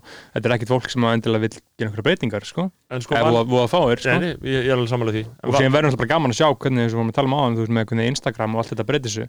Hvort það ekki bara eftir að vera bara einhverjir fucking áhrifavaldar skilur sem er bara eitthvað Bara fa- binni glý, Já, já. þingforseti og sem bara eitthvað fara úr því að vera bara eitthvað sjanghæja eitthvað órutt fólk til að kaupa sér eitthvað drasl vörur með einhverjum afsláttakóða yfir í það að bara eitthvað bjóða sér fram það geti alveg gæst og það geti bara virka rosalega vel af því að það er bara með, segjum sem svo að bara einhver íslenskur uh, svona stereotypu umöluður áhrifavaldur sem er bara eitthvað fucking svindla og svíkja og sjanghæja fólk, skilur eins og allt þetta fólk er að gera, bara daginn út og daginn inn. Ímyndi ykkur ef hann, hann er með 30 manns sem fylgja sér. Ah. og, og, og þetta fólk er ekkert að horfa ne- endilega neitt annað, það er bara að horfa á hann. Haldið ekki, ef þetta er 30 manns segjum svo að 15.000 bara raunverulega elska hennan svikara og bara hennan fúskara sem þetta fólk er. Segjum svo, það eru 12.000 manns að fara að kjósa. Hann þetta er svo auðvelt. Já, það er svo miklu meiri völd en einhverju fjölmiðlar hafa. Já, af því að þetta, svona, típiskir íslenskir fylgjendur, svona, fólk sem er áhrifalda heilunum, þetta er mjög, sko mér finnst þetta mjög áhugaverð mann, manngerð. Mm. -hmm. vinnu bara einhverja sína vinnu og síðan er bara afturrengi þeirra er bara einhverjir áhrifalda Já, og ég held að við séum þegar að sjá þetta náttúrulega þróast, skilur við Já. Gerfalt hægrið fór að hágráta þetta daginn þegar stjórnarskrár-vídeóin komu, já, já, þau fór að, sáu það ekki á Twitter? Jú, Jú, jú, jú. Þá, Þa, það var þá, eins og við erum að tala um að svona aftengdur öllu svona og finn ekki fyrir neinu skilur það var það í fyrsta sinn sem ég raunverulega bara var bara eitthvað skólinu við Twitter og mér bara raunverulega ég fekk bara svona viðbjóð í hálsin já, að já, sjá bara hvernig þeir aktiveitu sko vélarna sínar Já, og já, já, já. allir fóru áfram og- bara já. og, og, og bara sama tíma, þú veist, ég skil alveg að stjórnarskrá, ný stjórnarskrá er ekki töfra laust, skilur þú veist, það vita, ég veit það alveg, ég er ekkert Mhm. eitthvað svona rosalega samfærir um það að við þurfum endilega bara að bruna henni í gegn. Um, en það er bara, einmitt, að þetta er náttúrulega allt saman leikur fyrir mig, þá var bara gaman að horfa mitt þetta, Mhm. þennan mekanisma, sko. Einmitt, Eh, og, og, og ég er svo þakkláttur fyrir það að við erum ekki þeirri stöðu að þurfi eitthvað að kynna mér þetta gett mikið það skil ég hvað Einmitt, meina, mér er eiginlega alveg saman bara já, þessar stelpur eru frábærar og ég bara stið þær og bara frábært sem þau eru að gera skilur, en ég þarf ekki að fara að rífa sér neitt um þetta skil ég hvað Þetta meina mæta hérna Sigmundi í silfrinu Já, Já. þú veist, ég er bara, mér, mér er drull, Já. þannig sé, en ég Já. stið þetta samt, skilur, Já, já, já, og ég já. veit að vantalega trú ég og stið þær frekar en einhverja bútleikara, samherja bútleikars hana á, á Twitter, skilur, eru bara þessi menn sem að koma, þetta er allt kallar, skilur, Einmitt. og síðan alltaf einhverja konur hana líka, skilur, þetta er aðalega bara óryggir kallmenn mm. sem að bara finna sinn stað í að sleikja stíðvílun á Þorsteinum á samherja manni, það er, það er bara sem við gera. Já, já, 100% sko. Já. um, En sko, það er hugmyndi í þessu þarna með Mm. samfélagsmiðla stjórnunar sem pólitíkusa Þetta, þetta, Þetta væri- er futuristic hérna, political thriller. Já, já, Þú Já. skrifar þetta bara. Já, ég bara Ég er að sjá, ég er að sjá opportunity í þessu já, Þetta er eitthvað að þú veist, þarna ertu búin að íta þessu Mhm. öllu, þetta er svona eins og þú getur gert svona hérna, þátt af Black Mirror um þetta. Mm. þú veist, þetta er svona, þetta getur fitta inn í eitthvað þannig konsept, þú veist, bara einmitt að því, hvert erum við að fara með líðræði skilur og Einmitt. hvar eru völdin og þú veist, já, og þú veist að þetta fólk hefur svo rosaleg völd Já, og rosaleg áhrif. Já. en þeir eru bara að nýta þau eru bara að nýta það bara, þú veist bara til þess að ljúa og bullshitta. Ég, já, nákvæmlega, já þessar áhrifavaldar, ég skildi ekki alveg. Ég kalli þetta bara skaðvalda, mm, Já, já. finnst það betra orð. Já, og, já, já, já, Sko. um mitt Já, þarna, ég dýrka áhrifavaldana sko, en, en um, já, Martís, sko, hann, að því Sigmundur Davíð sagði náttúrulega við DFF, sko, ég er, þarna, að því þú ert vantilega búin að sjá það, Björg, þetta með, eh, að því að þau tóku heldur góða lót og töluðu við fullt af Já, stjórnmálaflokki þetta frábær flott- frétt flott úttækt Já. sko, Já. ég er ógst ána með toppu í Já. hlutverki sem rítstjóra mér finnst Já. það að gera Já. góða hlutum með blaði Einmitt, og, og, og bara, þú veist, þau bara höfðu samband við alla ég, ég Já. það hlýtur að hafa bara verið í tölvupósti eða já, eitthvað sko. en mér finnst það metnaðar og Já. skemmtilegt teik já. Mjög skemmtilega að lesa það og mynd þá, þá var fullt af fólki sem ég vissi ekki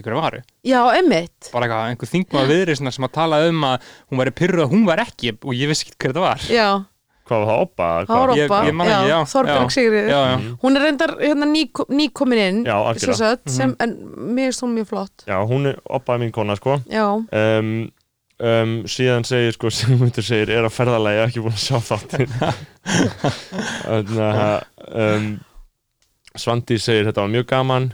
Kata segist ekki vera búin að sjá þetta heldur. Uh, Lilja segir uh, hún tala vel um þetta. Um, en það var Brynja Níelsson var að segja eitthvað ég sá Mm.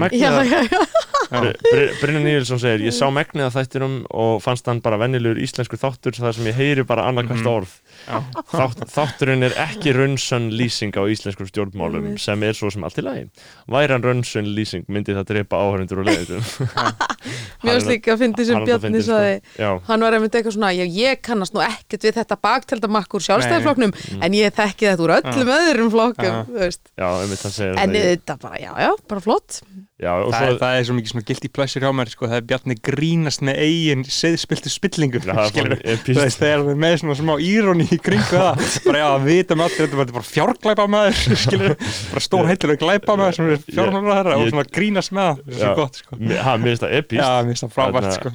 um, það er epíst sko síðan annað í þessu um, af því að um, við erum hérna með þig í skoðanabröðum, finnst þér ekki indislegt að vera hérna í settunni hjá okkur? Ertu- Jú, mér finnst ekki, ég var að segja ykkur árnum við kvöktum og ekki, ég var Mm. eitthvað svo stressuð svo er bara gett gaman að tala ykkur, eins og með Já. gruna því ég er diggur hlustandi, sko. Já. Mér finnst þetta svona, þetta er svona dýpri umræðar kannski að því að þú veist, Mhm. þannig að líka eitt að því að svona kannski tengist því sem við vorum að tala um á þú veist, það þarf alltaf að vera svo kvikk einhvern veginn, það er allt svona að ég veit ekki, Já, þú veist, það er allt svo já, stutt það eru tíu mínútur. Já, Já, já, eða bara, þú veist, tíu sekundur já. vídeour og langt eða er, þú veist, tvær mínútur, eitthvað svona, Mm. að ég veit ekki mér finnst það hafa verið tendensin svona í nokkur ár það þarf alltaf að stytta, stytta, stytta, eitthvað svona Mhm. mér finnst einmitt svo gaman að hlusta á ykkur mm. því þá er það bara, þú fær svona eitthvað þarna, lengra form af samtali mm. mér finnst ógslag gaman að hlusta á einmitt svona þegar svona aðeins bara farið bara, farið bara yfir þetta skilur Mm. Mhm. einmitt, sko það er einmitt við, ég man að þetta átti við ætlum fyrst alltaf að hafa þetta 40-50 mínútur og síðan alltaf tegist og tegist og tegist og sumir hafa verið alltaf hátt í þrjá klukkutum að þó er endur ég, ég atna, var það svolítið tryggvað? Við vorum, við vorum með tryggað hérna í næstu þrjá klukkutíma.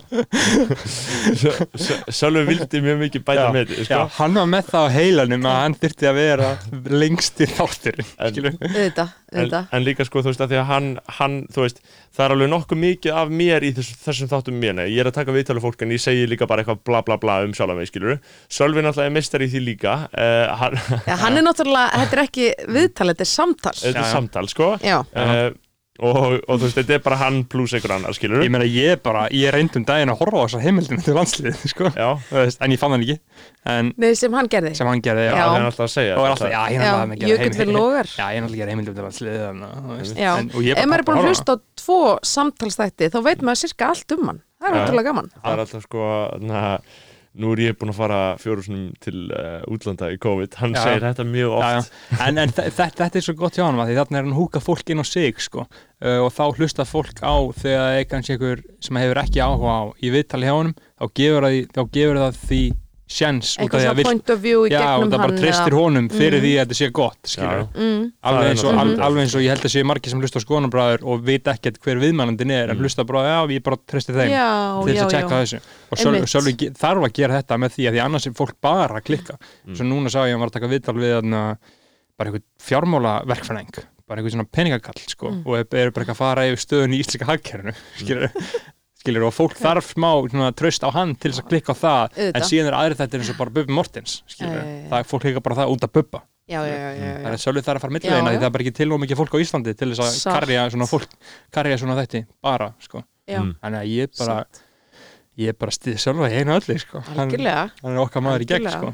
það var, það var um, að því að við erum náttúrulega svo aðna, vandaðir, vandaðir fjölmjörnumenn að við undirbúum okkur, ég var að googla þig áðan Já, um, og ég fór inn á uppáhalds Google það er sko, það er sko verður stressu, það er mikið um fullt af ég um er að En það er mjög mikið Ok. á Google, það er bara mikill katalógur okay. en þarna, nei, og, ég- og ég fór inn á skemmuna skemman, það var á ritgerðina mm. uh, og það var ritgerð um að þið, mér, ég bara, mér fannst það fyndi mál sko uh, ég, ég, ég lúslas svo sem ekki sko Mm. uh, bachelor ritgerðina eina sem mm, þú myndi hafa skilað sko 2010 Já. í september. Uh, og fjallar og þessi, hún fjallar um þannig að ég útskýri það fyrir hlustunum fjallar um þess að staðalmyndir kynjafeminisma og svo frammeðs og klámeðingu og svo fer að tala um hann, hann, þess að dýra ferð fjármálastjóra KSI á nektardanstað Mm uh, ég með rámar í þetta mál, hvað var þetta? Þetta var þannig að sko, vá, eins og ég mani þetta allavega, Mm. það var þetta þannig að hérna, hann uh, uppkemur að hann notaði kort KSI á svissneskum streppstað. Mm ok, og það Já, það var svona fréttamáli í kringum þetta.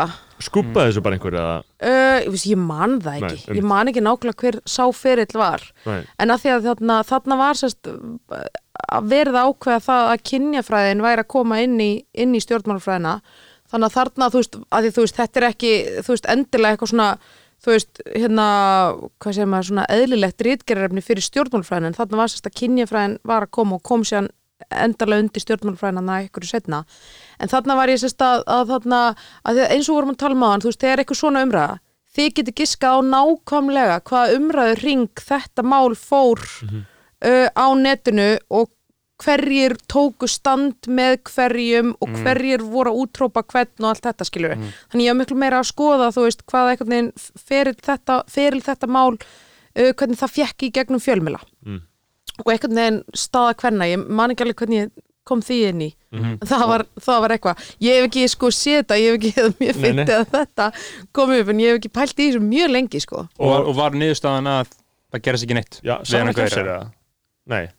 Af Gauja. sér? Ég maður ekki. ekki. Ég maður ekki, held að hann hafa allavega borgað þetta tilbaka. Já, Já. einmitt. það var samt eitthvað svona 2 miljónir á þeim tíma sem var óslega mikið, maður já. Fegstu þau kampaðinsklega svona, þú veist hvað hérna? Já, bara keftir hugsanlega. Mm, ég sagði það ekki, en ég segi bara þú veist, en, en svo líka bara að þetta er rosalega hérna mál sko fyrir tíðarandan, þú veist, þetta er 2010 ég meina þú veist, þegar ég, ég sko, hvena voru streipstæðar afnumdir í Reykjavík mm, þetta var, þú veist, þetta var allt miklu, við horfðum allt öruvis á hann málflokk fyrir, þú veist, 20 árum eða eitthvað, sko Mhm. það var hérna á tímbilið það sem var bara hérna óðal og það var bara, þú veist, Já. alltaf frétta í þessu öllu, og bara skilur, Gold, svona, Goldfinger og Boomin já, já já. já, mér finnst þetta rosa sko, þessu umræða um uh, stöðu ég veit ekki hvort að þetta mæ- mætti kalla sko kynlífsvinnu en, en skilur stöðu hvort sem það er strip eða bara svona sex work á Íslandi og bara í heiminum. Þetta er uh, þetta hefur verið eitthvað mál sem mörgum finnst erfitt að taka afstöðu til skilur að þetta Já, já. sex work dæmi er eitthvað svona þetta, þetta fer þú veist hvað, hvað þú veist að því að bara þetta, þetta fer svo þvert á mismöndi bylgjur feminismans skilur, Já, einhver svona rótgróin stígamótakona skilur, Já. hún er með allt aðrar skoðanir Já. á þessu en einhver svona Instagram, Vox Media pistla 19 ára stelpu feministi já, skilur, já. Mhm. þú veist, þetta er allt aðrar skoðanir á þessu og það veit enginn hvað er rétt. Nei, ég er og þú veist, ég, ég tek alla mínar ákvörðan svona bara, bara einhver sem að ég bara, einhver bara konu sem ég treysti og trúi í þessu og bara já, hún segir þetta megasens ég ætla að trúa henni fyrir þessu. Já, en þetta er svo rosalega eh, flókið einhvern veginn málum með allt þetta kringum þetta sex, sex work og OnlyFans og allt þetta sko. sammála, þú veist, á sama tímanum manni finnst einmitt, þú veist, kvenréttindi og jafnbryttsmálun, þú veist, það er verið að berjast fyrir því að konur hafi yfir á rétt yfir eigin líkama og megi gera það sem það er vilja og megi verið í ógslastötu pilsi eða berbrust að það er vilja og allt þetta, þú veist, það er auðvitað bara svona barðan á sama tíma, þú veist, það er þannig með kynlífsiðna og það er bara verið sínt fram á það mjög oft og með alls konar leiðum. Það er ekkert algilt samt sko að það er mjög oft verið að misnota hérna einhverja og einhvern í þessari keðju Mhm. þú veist, og það er oft þannig að þarna, það er verið að misnota konur veist, Já. það er bara oft þannig þannig að Mm. þú veist, þessna hérna, þú veist en ég meina, svo getur auðvitað verið með einhverjar aðrar aðstæður skilur eitthvað svona hamingjusama hóran skilur og það er eldgamall líka að það sé hamingjusama hórur skilur og eða þú veist það er svona, þetta er, þetta er, þetta er, fast orðasamband, ég er ekki að nota orðið hóra Nei, viljandi nei, Nei, nei, nei. ég veit það, þetta ég er algjörlega samlega, það er ógslag flókið að ræða um þetta þegar maður er svona, einmitt, maður ég veit, svona bara, ég veit bara ekki að því að maður er að hugsa bara hvað er rétt, skilur Já, ég veit það. En, en ég, ég veit það og finnst núna- mér að þetta lögleiða sex work í, á þeim grundvelli og það er náttúrulega löglegt held ég að selja sig en ekki já, að er kaupa Já, að akkurat, að- lögum að- var breytt þarna fyrir nokkrum árum að þarna, þú veist, ef þú ert að selja vændi þá, eða þú veist, það má ekki taka þig fasta heldur á að taka vændiskaupenda Mhm, kaupanda fasta. Einmitt. frekar en hérna þann sem er að selja. En, og, en ég veit að það er frábært og þetta og komið núna, ég held að flest alltaf dæmi fari fram á uh, OnlyFans. Það sem að bara Já. stelpur og konur og kallar, þannig séð Einmitt. eru bara með sína ásveita þjónustu svipa á við erum með Patreon, skilur Já. það er bara, þú bara borgar mánalegt gjald og færð bara þá veistlu sem þú borgar fyrir. Ok, og er er- allir glaðir í þessu ferli þú Já, ég meina ef er að nýðast á einhverjum? Ég held ekki. Ok, Eh, þú það, eh, það, ég, þetta- er bara að gera hann bara, þú veist, þetta er bara þú ákveður að búa til þinn OnlyFans uh, rekning og þar situr inn myndir eða myndband af þér vera bara að gera bara eitthvað þú veist, það bara þú, já, bara bara guð, má vita, skilur Já. Og, en þetta er, þú og veist, síðan- ég finnst þetta mjög áhugavert. Bara Já, já. OnlyFans sem koncept, og, skilur og það sem ég finnst, líka áhugaverðast er að þú veist, þú ert með OnlyFans reikningin stelpum þessum með það það er vita hver eru áskrifundur skilur, þetta er eins og við vitum hver er Patreon áskrifundur skilur, Ah. þannig það er svona, þú veist, út meðvitaðir um að, hver er að horfa á þetta hjá þér og, og þetta er náttúrulega sko, þær eru að fucking banka inn pening sko, mm. við erum að tala um að það kostar 18 dólar að mánu í áskriftin og margir svona íslenski reikningar eru bara með kannski 500 áskrifundur sem stelpur eru bara að fá miljónum á mánu fyrir Já. þetta, skilur Einmitt. Já, þetta er bara full vinna, þetta er bara frábært að fá að gera þetta, uh, á- ákveða að nota þetta Já. svona. Þetta er bara rosalega peningur og já, það finnst ykkur það? Er, er, já, er, er, já, auðvitað, hvað hva er að þessu skilur, auðvitað náttúrulega ætti kannski að hjálpa strákunum sem eru áskrifundur hætti að vera svona klámsjúkir, skilur það er náttúrulega stórt samfélagsvandamál klámsjúki ungra kallmanna, Mm. skilur já, uh, en það er bara alveg eins og þú veist, við ég veit að ég vil leiðum fólk að drekka áfengi og gera bíla og allt þetta sitt, skilur þannig að ég skilur ekki akkur bakti líka verið skalett Mhm. Já, einmitt, mér finnst þetta, ég, ég þekki þetta ekki nógu vel en þarna, en þú veist, já, maður er alltaf bara einhvern veginn vakandi fyrir því að það sé ekki verið að hérna, brjóta á fólki og það Mhm. er náttúrulega auðveldlega til að brjóta á fólki Mhm. þannig að maður er auðvitað bara svona vakandi fyrir því en á saman tíma þú setur þetta svona upp, bara ég meina hún vil endilega hérna fróa sér fyrir framann 2000 manns í bandrækjunum og akkur má hún það ekki? Einmitt. ég er ekkert með eitthvað rauk sem að hérna fella þessa kenningu skilur þannig að þú veist, já, einmitt. Ég á já. Hvað finnst þið, hvað Mér finnst þetta, mjög svona þetta er mjög áhört, þetta er mjög sérstakur kemi af samfélaginu, þetta er svona, svona einhver leiti svona eitthvað nett eitthvað, ég veit ekki, þetta er svona detached eða fætti, þetta er svona, komið einhvern veginn úr svona einhverju sambandi við, ég veit það ekki Já, en þa- það sem er bara svo gott við þetta er að, uh, að fólki sem á þessa reikninga stjórnar þessu sjálft þau Mhm. þurfi ekki Já, risa eitthvað svona stóra klám yðnaðin eða pimp já, eða já, já, hvað sem það er þú veist, þú hérna ertu er bara rosalega valdefling, skilur Mm. þannig er þú komið Mm. með bara þín eigin örlög í eigin hendur, eins og. Patreon, skilur eins og þetta er bara alveg saman er bara Patreon sami hlutur, þú ert að selja Já. orðið þín og, og þannig er fólk að selja kynfæri Já. sín þetta er Og- okkar OnlyFans það er og það er bara Já. við kannski rekka þetta gegnum OnlyFans það var skemmtilega, sko En mér, mér finnst líka einhver, einhver vingill þarna sko að þú veist uh, bara er fólk skilur kemur úr þannig aðstæðum að þú hérna gerir grein fyrir þú veist hvað þetta er, þú veist, ertu mhm. með hérna nægilegt bara félagslegt bakland til að átta á því hvað þú ert að gera og hérna já, já. ert að ganga nærri þér að einhver leiti skilur, er þetta eitthvað sem þú mynd horfa eftir tíu ára og vera bara oh my god, Mhm. skilur Mhm. mig e eða þarna, er þetta það eina sem þú getur gert til að borga fyrir háskólanám þú veist, ma- maður er að pæla í alls konar svona hlutum líka skilur, þú veist, Já. er þetta er þetta hérna tæki kapitalismans til að hérna, þú veist, finna leið fyrir einhverjar típur af, af hérna manneskjum til að koma síðan í háskóla eða komast inn á vinnumarkaðin að gera hvað skilur ég veit ekki, ég þekki allavega engan hvorki kallna konu sem myndi velja þetta sem fyrsta hérna starfs uh, tækifæri Mhm. Nei, Skilurðu? Only- OnlyFansið sko ég, þú veist, Já, en ég meina ég er ekki, þú veist, auðvitað getur það verið og, ég, og, þú ég, veist, ég á vini kall, ég, á, ég á ekki vini sem er á OnlyFans en ég á, á bara svona hefðbundna vini sem og, veist, og sumir eru náttúrulega svo íhaldsami með svona að þeir bara, þetta er bara ógeðslegt. Það er bara ógeðslegt að fólk sé að hóra sér svona út fyrir pening á Mhm. netinu. Skilur og bara venleg kattmenn sem segja þetta skilur og, og, aðna, og ég hugsa bara, ég, mér finnst mér finnst þetta trubla mig svo lítið Mm. ef einhver gerir þetta, þú veist Enda ertu siðblindur Já, þetta er sifleitur, þetta er alltaf leikur fyrir mér. Þarna, en, en skilur þetta trubla mig einlega lítið að einhver kynni að vilja gera þetta skilur Mm. uh, en suma trublar þetta sem já, eru já, svona og, aðeins og, og það, það, þú veist þetta er náttúrulega bara þetta er dæmið um bara fullkomið samfélag ef einhver, þú veist, við viljum alltaf vera þannig að allir getur bara getur gert hvað sem við vilja skilur, og fá nægum, pening til að lifa og alltaf og eitthvað fólk getur verið hérna bara henda þremur myndum inn á dag og síðan bara vera chilla allan daginn að gera sem maður vil gera, búa til einhverja list eða bara lesa einhverja bækur og hóna einhverja þætti eða hvað sem maður vil gera. Og getur fengið tekið til að lifa þessu, það er bara frábært sko.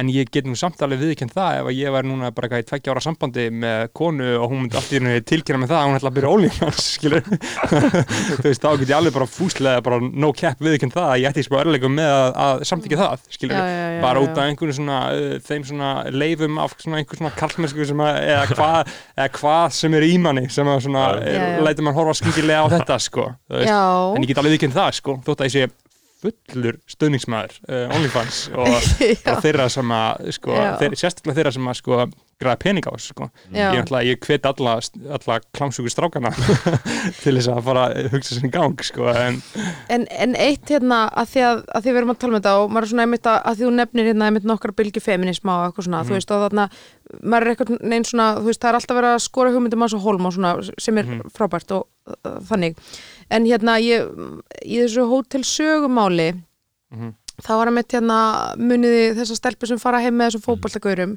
þú veist, þar er einmitt þar er svo góð speklun á nákvæmlega þetta, þú veist, að hérna fyrst fyrir við í druslu skömmina, alveg bara lóðbent þangað að þarna kallaðar druslur og þetta og þetta og þetta.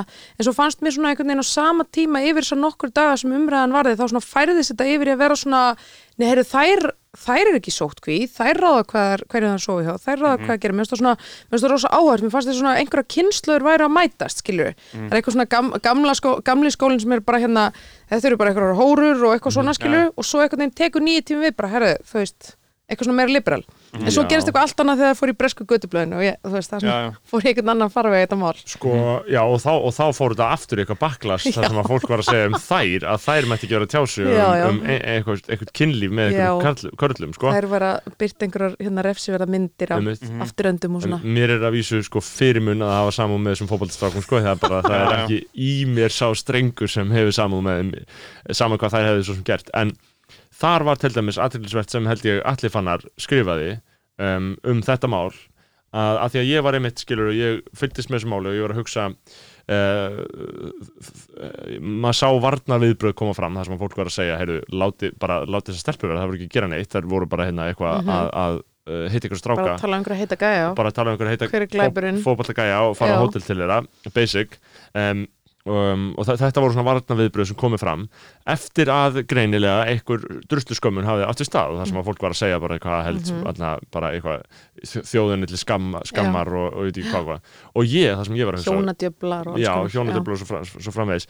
Um, af því að ég, ég hugsaði þar skilur, vá, ég sá engar svona aðtöðsendur, ég, ég sá ekki Ah. neitt neikvætt um þetta þú veist, ég bara, ég sá ekki eitt orð neikvætt um þetta mál, eða þú veist, um þær og þeirra hefðun, heldur sá ég all, allstað bara og, og ég sjálfur persónulega, ég peppaði þetta allan tíman skilur mér þetta bara mjög fyndið. En allir það sem hann var að skrifa um var þessi sko um, sko newsfeedið manns á. Facebook. Hvað það er fucking litað. Ég held að hann Já. hafi verið að skrifa allan á það. Ég, ég las þetta ekki eitthvað gumgjaflega, hann var að segja að ef að þú sást ekkert neikvætt þá er það ekki að það var ekkert neikvætt heldur er það bara að því að þú sást það ekki skilur Mhm. þannig að þú mátt ekki vera að segja að það hafi ekki verið neikvætt af því ég að, ég fann það hjá mér ég var að segja bara hver var eiginlega gaggrinn þetta Mhm. Hver var að leðilegu þær? En ég hafði bara ekki séð það að það bara, ég sé það bara ekki. Facebook bara sýnir mér það ekki. Já, Facebook er bergmálshellirinn þinn. Já, ef ég myndi opna þitt Facebook, ég fengi örgulega sjokk wow, bara Já, hvaða skonur þetta? Þú veist, við erum örugglega með eitthvað saman fólkinu en samt. Þú veist, það er allt hérna persónusnið að okkur. Veist, þetta eigur á hérna sem vorum að tala um áðan, þú veist, að allir fara einhvern veginn inn í sitt, þú veist, litla svæði. En bara svo aðtilsvært sko að, að mér bara byrtust ekki þessa skoðanir sko. Mm. en þú ert að adda hérna fleiri virkum í aðtöðsöndum til að fá einhverja skemmtilega skoðanir ég þarf að adda svona gömlum íhaldsmönnum sko, svona eldri íhaldsmönnum. Ég, ég les svo sem alveg hérna, nóg, ö, nóg frá Mm. þeim í, í, í dagblöðum um, sko mér finnst þetta sérstaklega ávart hvernig uh, Spotify gerir þetta sko Spotify er bara búin að sér að nú er búin að nota Spotify í hvað 6-7 ár, skilur Já. og þau eru bara búin að læra á mig hvernig einasta krók og Ah. kema og frumu í líkama mínum já, bara vita nákvæmlega hvað ég vil og bara gefa mér þetta allt svo, á svo einfaldan og og þægilegan daily hátt. mix og allt þetta. Já, og bara on repeat og on repeat rewind og bara allt, skilur, þetta er bara Já. sér hann, ég þarf Já. ekki að hafa fyrir neina lengur, skilur, ég get bara haft on repeat og bara hlusta á sömu lögin aftur og aftur, skilur, mm. þetta er bara þessi, on repeat voru ne, síðasta síðasta sko. naglin í líkist já. tónlistlegu líkist, af því að ég er bara núna þá er ég bara að hlusta á sömu tónlist allt endanust já, og þetta er bara, þetta endur tekur þetta, þetta gleipi sjálft sig. Þetta var svolítið það sem hann Bjarni Fríman var að tala um í þættinum hjá ykkur. Mm. að þetta Mhm. komið allt út í eitthvað svona easy listening eitthvað svona þægilegt sem getur bara verið í liftu og backgroundi hvar sem er og eitthvað svona. Mhm. að við hættum, við, við erum að missa hérna eitthvað, við erum að missa af einhverju fyrir vikið sko. Já, 100% sko. og sí- síðan lendi ég að ég var í símanum einhvers annars uh, vinna Já. minns sem með, sko, bara með allt hlustar og horfir á allt annað en ég Já, já, já. og ég var opnað Spotify hans og hugsaði bara, úi bara djöðlega er þetta já. þetta var bara eins og hafa bara eitthvað, þú veist, Já. bara með fullri virðingu fyrir þeir útastöð, bara eitthvað, bara eitthvað rást tvö dæmi Já, já, já. inn í þessu, skilur og bara eitthvað dót sem að, það var bara eitthvað indie pop og bara eitthvað skrítið dót sem að ég bara svona tengi voru lítið við og það var svo fyndið því svona viðbörðum mínu voru bara eitthvað, shit maður, þetta var að þetta væri svona á mér, skilur Já, já, og ég myndi já, já. þurfa að navigita í gegnum þetta á hverjum degi eða eitthvað þess að hugsaði, það er bara smá næs að, veist, Aha. að ég sé bara smá, smá fítaður nöðuð eins og Bjarni var að segja þá er þetta mjög hættulegt Mhm. Að, þá er þetta alveg gríðarlega hættulegt að mann sé bara gefið það sem maður vil alltaf, maður er bara það Ég held það, og ég finn sérstaklega fyrir svo á YouTube sko, þar horf ég bara á sama aftur og aftur og aftur sko. já, eða sömu tegundirnir af myndböndunum sko. já. En þetta er bara Já, svo já, já, já, algjörlega. Það er svoleiðis, sko um, það er ég er að hugsa um uh, áfram um þetta sjónvarp sem þú gerir. Einmitt. Uh, aðeins í- um horfurnar í svona sjónvarpi versus aðri miðlar. Uh, þetta er mér hugleikið. Uh, um, að því að ég veit að einhvern veginn skrifaður þarna í, í Google komst ég líka því og vissi það svo sem að þessi bók, þú skrifaður þessa bók sem var Já, ska, tvær tvær. Já, um, og uh, svona skvísu skvísubækur. Ma- Já, bara um ungar konur einmitt, en Það var bara kallaðar- markasett sem kallaðar- skvísubók, Já, já. skilur og það En var minn ef Arnaldur myndi skrifa um ungar konu þá var það bara skálsaga, skilur já, Ég var já. alveg aðeins að pöngast út í þetta líka, skilur já, Að mér fannst þetta svona eitthvað Ég bara eitthvað, já, ok, að því þú veist, þetta er svona eins og ég var að segja einmitt að Þú veist, það er ekkert land síðan ég var í Breitlandi í bókabúð og þá var sko, hérna svona merkingarna bara literature og svo var sko women's literature, já, skilur Þannig að það var svona, hérna, segmentir að rosalega mikið og það er þannig að skvísubækur eru svona eitthvað léttvægt, eitthvað Já. svona til að eitthvað svona easy read svona, Já, og þetta já. er það náttúrulega potti að bækurnar mínir er alveg þar, skilja, en þetta er samt svona eitthvað mér finnst þetta eitthvað svona pínu, þú veist, það er eitthvað svona snopp í gangi þarna Já, algjörlega, sko, og, og, þarna, og ég nota þetta orð bara því ég sá þetta í einhverju Google, sko, en, og Já, þetta hefur verið sagt um þetta, þetta skvísbækur sem er alltaf mjög aðtilsverð bókmyndagrein út af fyrir sig, eða veist, og, og hvort það sé endilega sjálfstæð bókmyndagrein, ég meina það er alltaf líka umtælanlegt, en, en, en svona þessi efnistög, þú veist, það er eitthvað svona ung kona Já. og það er tilvistavandi og, Já. og það er djam og það er eitthvað karlar og það er drikja og, og, Akkurat. það eru föt og það Já, er þarna já. eitthvað svona ég man að þarna, uh, ég, ég las milli mikillar skemmtunar að bókinu á Toppi Marinos Já, Þarna, einmitt, þetta eru svona makalös Já. Já, einmitt þunn, þunn, þunn á kaffehúsi þinn, þinnri en, en þinnsti klóstpappirinn þessi frá Euroshopper, þannig er uppáðið uh, klassadæmi já, já. uh, og hva, hva, hvernig var að gera eitthvað svona, meina hvað þú veist, og hvernig voru viðbröðin við þessu og, og, í hvaða farveg fellur þetta? Eru, skilu að þið, þið eru svona ákveðin um, uh, kynnslóð af uh, skilur þið eru önnu kynnslóð en er kannski núna að vaksa upp, skilur eru, eru, eru svona bækur að fara að vera áfram eitthvað svona, þetta er svona bloggsíðu, ég finn fyrir svona bloggsíðu tengingu þó að þetta hafi vissulega Mm. komið en setna, Mhm. ég meina hvar, hvar stendur þú þar, ég meina hvað heldur að hver heldur að sé framtíð svona Sko, ég veit ekki, hven, hvenar, hver er svona nýjasti svona ungi ungi rithöndurinn svona sem hefur eitthvað neginn kveðið sér hljóðs Fríða Ísberg. Fríða Ísberg Já, segja flestir Já. geggjuð þú myndir örugglega fá það nafn já, Já, já. í, Já. Hvað, hún fætt 92 eða 93 eða eitthvað já, já, ég er bara svona aðeins að velta fyrir mér þú veist hvað þetta liggur skilur já, En svo ég meina- náttúrulega allir algjörlega hættir að lesa skáldsögur sko. Þú veist, það er bara ég, það er allan mín skoðun sko. Samt gefur Dóri Díana Já. út skáldsögu sem er rosalega vinsæl sko og Mm. verkfræðingarnir í HR lesa sko eins og við höfum talað um sko Já. Ég, þú veist, ég veit það ekki ég hérna þú veist, jú, jú, kannski er eitthvað hérna, eitthvað látt í öldunni núna hvað þetta varðar, en ég þú veist, ég mun alltaf spá bókinni kompaki, sko mm. mér finnst þetta bara, þú veist, það, þú veist, það gefur bara auga leiða, þú veist, þú er eitthvað randand á Facebook og tróða Mhm. einhverjum tvítum út og eitthvað svona, þú veist, þetta er bara eitthvað þetta er svo mikið rusl og drasl, skilur við Mhm. þú veist, þegar þú setur saman skáldsögu eða eitthvað svona stærra verk, hvort sem það er í sjónasformi eða handrita bók eða hvað það er, við þetta er bara, þú veist, þetta, þetta er miklu, þetta er bara miklu meira verk og þetta er eitthvað hlutur sem að þá lifir áfram og eitthvað svona, þú veist, þetta er bara eitthvað svona ég meina, hugsaðum bara bækur sem þið fílu og lesið, þetta er eitthvað svona bara, þetta er bækur sem að bara svona, bara skiptaði bara mjög miklu máli, skilur, það er einhver búin að leggja geðveika vinnu í þetta. Og þetta er ekki eitthvað svona dægur dægur flugu kjaftaði sem maður hérna, skrolla niður og, og þú veist langar bara að fara í styrtu þegar þú ert búin að vera ólengi á Facebook skilur við, Mhm. En þetta er bara eitthvað svona miklu, miklu, miklu stærra. Og þetta er bara eitthvað svona miklu, miklu, miklu ég held að þetta sé bara svona, þetta er bara eitthvað svona eldra, þetta er eitthvað svona þetta er eitthvað svona dýpra þú veist allavega, ég er bara að tala fyrir sjálf með þetta er svona eitthvað dýpra í okkur, þú veist að þú veist, bækur eru bara, mér finnst það bara svona fullkomlega ómissandi hlutur af lífinu skilur, þetta er, þetta er mér finnst langt skemmtilegast að læra eitthvað nýtt í gegnum bækur, þú veist, þú sérð eitthvað nýtt þú heyrir um ný viðþorf, þú kynnist nýjum stöðum í heiminum, þú veist, þú ert að fara í gegnum sögu einhvers fólk, skilur þetta er bara eitthvað svona, þú veist svona mjög mikilvægt andlegt fóður. Mm og ég get ekki líkt þessu við eitthvað svona bloggfæslur eða Twitter eða eitthvað svona bull skilur mér finnst þetta bara ekki, það er ekki hægt að veist, ekki hægt að bera þetta saman. Ég, ég er alveg sammálaðir sko.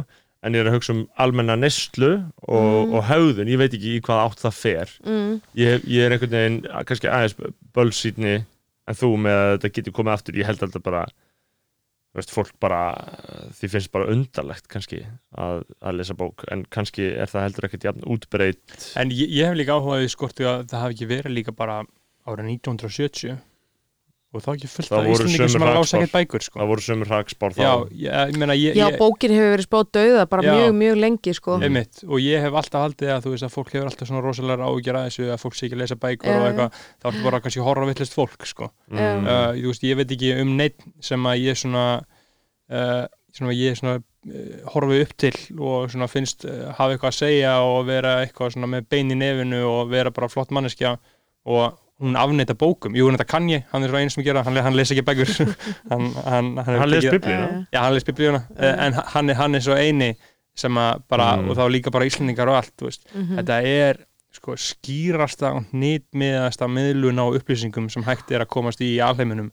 Og þetta er bara, ég held að þetta muni aldrei fara neitt en þetta muni vissulega minka sko, að því að fólk er með svo greitt aðgengi að uh, annars konar sko aftreyingu sko og þetta er eins og þú veist bara allir aftreyingar reysir heiminn og Netflix Netflix er ekkit bara berjast við uh, er ekkit bara berjast við Hulu eða Amazon Prime með Rúf eða Stöð 2 heldur Netflix bara bókstæðlega bara berjast við bara Fortnite og, Já, ber, og ber, ber, berjast við göngutúra á svepp skilur já, já, já. Þannig að þú veist þetta er allt bara einhvers konar uh, blanda af þessu öllu og bókin mun aldrei vera það vinsalasta skilur eins og ég, ég sé ekki fram á að það muni koma skáldsa eins og bara ég vil kannski ímynda mér að hafa gæst þegar Haldur Lagsnes gaf út Mhm. þú veist Mhm. atomstöðuna eða eitthvað. Mhm. að þá hafa allir bara fyrir einhverjum matabóm að ræða hana. Ég sé það ekki alveg fyrir mér endilega að gera sko, en ég held að mun alltaf vera svona einhvers konar ángar af þessu uh, í samfélaginu.